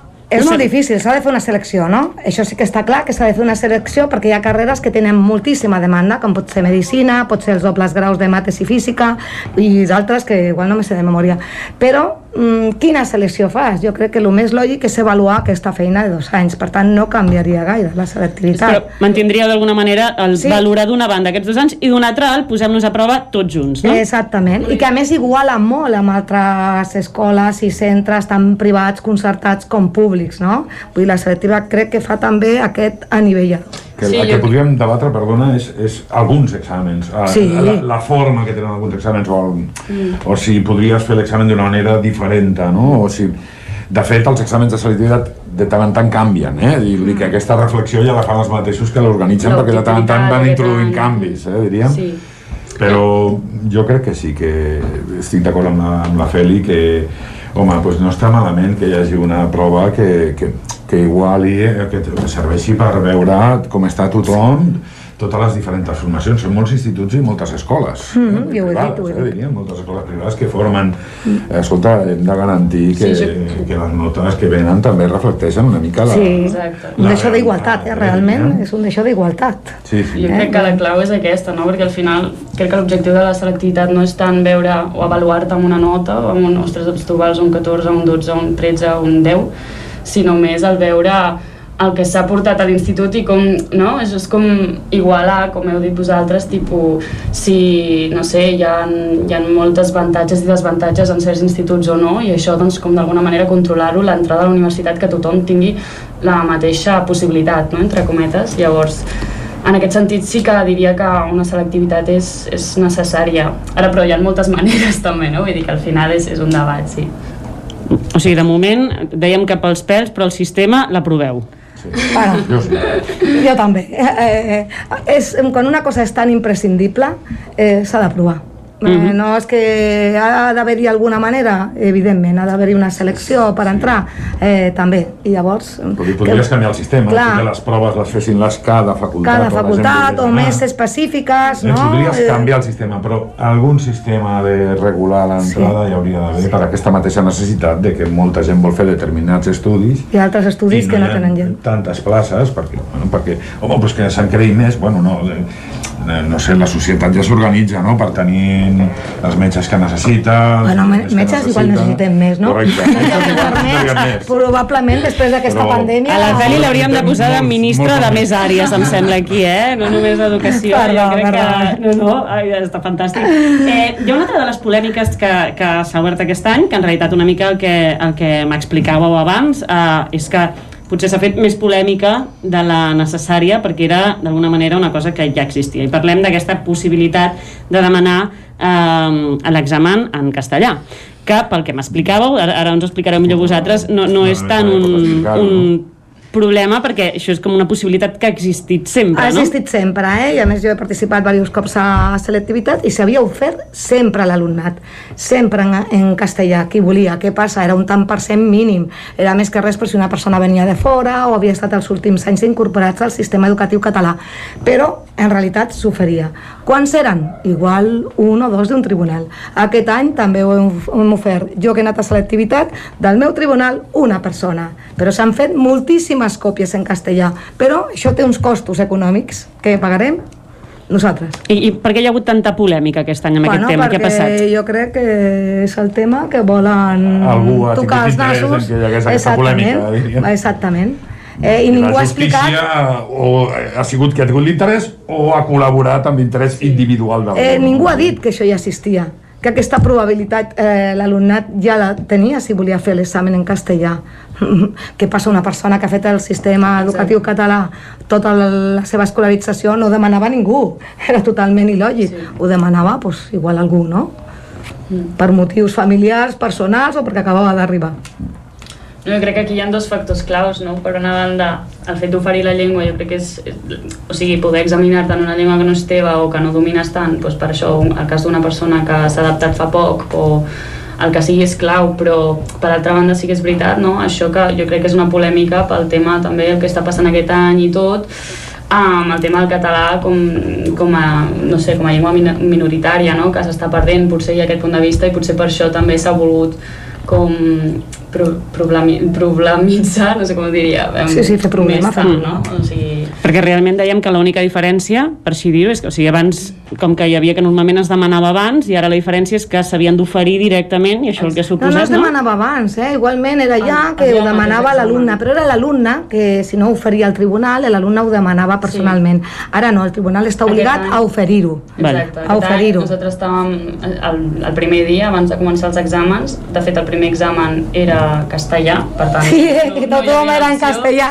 per tant el mateix dia no ens ho van demanar, tothom era en castellà, però normal, però, però el tribunal llavors ens va demanar si volíem algun examen en castellà i que si teníem algun problema, llavors si els que volien en castellà van demanar en castellà i també podies triar X exàmens o no. Història, doncs, història en castellà, però aquest em sembla bé en català, no? Vull dir, també depenent de l'examen que... Eh, M'agradaria fer una cosa, Sí, sí. podries escollir també aranès, eh? Ah. Era en castellà o en aranès, evidentment, en català, eh, està clar. Eh, Sí, sí, bueno. Però de fet, o sigui, d'alguna manera s'ha fet com un bombo quan l'única diferència és jo el demano o tu me l'ofereixes, no? És qui paga la ronda, per dir-ho d'alguna manera. Però les còpies no han estat les mateixes, eh? No, jo no sé quanta gent ho va demanar, però quedaven blocs sencers de totes les matèries en castellà. Per tant, això, mm, des del meu punt de vista... Despesa econòmica, eh, no, és malgastar diners públics. Ho sento i ho dic clarament. Això per mi és malgastar diners públics. Ja està. Molt bé, no, no, però però d'alguna manera crec que s'ha fet de, a nivell mitjans o a nivell, no sé, ha donat la sensació que era una cosa molt més grossa de la que Sí, realment sí, sí. Hi, ha, hi ha darrere, no? Um, estem ja, ja s'ha acabat el curs, ja està feta la selectivitat, però ha sigut Yes. un curs que és la... Anava a dir que m'han així com feliç... Bueno, Eh, les bones i les dolentes, eh? I es trobarà una falta... Ah, però ens hem trobat en un any complicat, perquè ha sigut l'any de la pandèmia, ja veníem d'un primer de batxillerat, en el vostre cas complicadet, i us heu enfrontat a la selectivitat després d'un any en el que segurament us ha tocat en algun moment doncs ara anar, ara no anar eh, i anar així trampejant amb aquesta assistència. Fins a quin punt us ha afectat a vosaltres com a alumnes i a vosaltres com a docents preparar aquestes proves amb aquesta situació?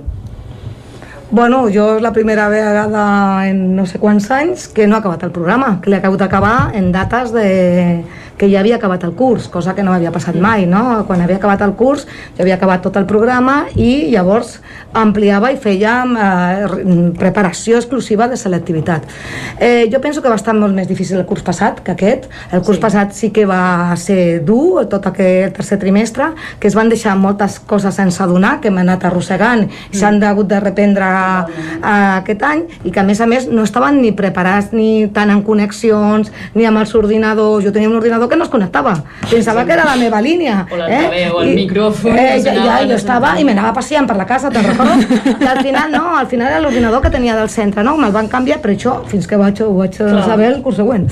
Eh, ja, també és, no?, que hem fet per una part presencial, una part sí. eh, no presencial, però mm, jo trobo molt pitjor el curs passat.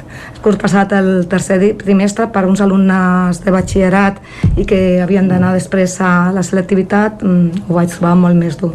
Mm. Però jo crec que al final no, sí, jo ens hem sortit, eh? Jo sí, crec jo que al crec final que ens hem sortit. que s'ha organitzat molt bé, no? Vull dir que al final per tots ha sigut un moment, vull dir que no és que per uns, aquest debat de, ostres, per mi ha sigut pitjor perquè he fet primer i segon, o uns que, jo què sé, has començat, els que han començat la carrera aquest any, inclús els que comencen primer d'ESO, vull dir, per tots, per professorat, per, per parents, per qualsevol persona ha sigut un any difícil, no? Vull dir, que al final la, com ens hem adaptat, eh, les solucions que hem intentat buscar l'any passat, eh, intentar connex, o sigui, connectar-nos tots, quan no funcionava, intentar trobar les solucions, passar-nos els vídeos, Eh, sí, és veritat que ha costat més perquè era nou per tots, no? Intentaves i era un altre tipus de rutina, no era el mateix, no veies, estaves tancat a casa. En canvi, aquest any eh, jo el canvi l'he notat més al començament, no? que hi havia moltes coses que es donaven per fetes eh, i que, i que s'havien de, com de, de donar més suport, no? perquè no s'havien acabat de tancar bé o no sé, hi havia coses que costaven més de seguir o coses que notaves que anaves coix, no? Perquè dius, ostres, aquí em falta alguna cosa. I després al final, de, pel temps, sí que és veritat, doncs això, el temari, no? Que hi havia coses que anaves més ràpid, més lent, com que, com que acumulaves tot, no? Al final és com, vale, vaig coix, has de reforçar això, reforçàvem això, després també faltava fer això, vull dir que tardàvem com una mica més amb tot, no? I al final va ser més pum, pum, pum, hem d'acabar. I això també depèn molt del professorat, professors que, que per exemple, l'Enric ens va, va començar a enviar vídeos per, per seguir fent-ho, vull dir, és una super solució en comptes de dir, ostres, doncs tu combines, et mires el vídeo, i jo els vídeos me'ls he tornat a mirar per la selectivitat, m'han anat genial, o, o això, no? És més còmode, a més a més, estudiar amb Sí, vídeos, no? clar. Ja no, ja no has d'agafar jo el llibre i posar-te a subratllar. Espera't que em poso l'Enric una Exacte, estona. totalment.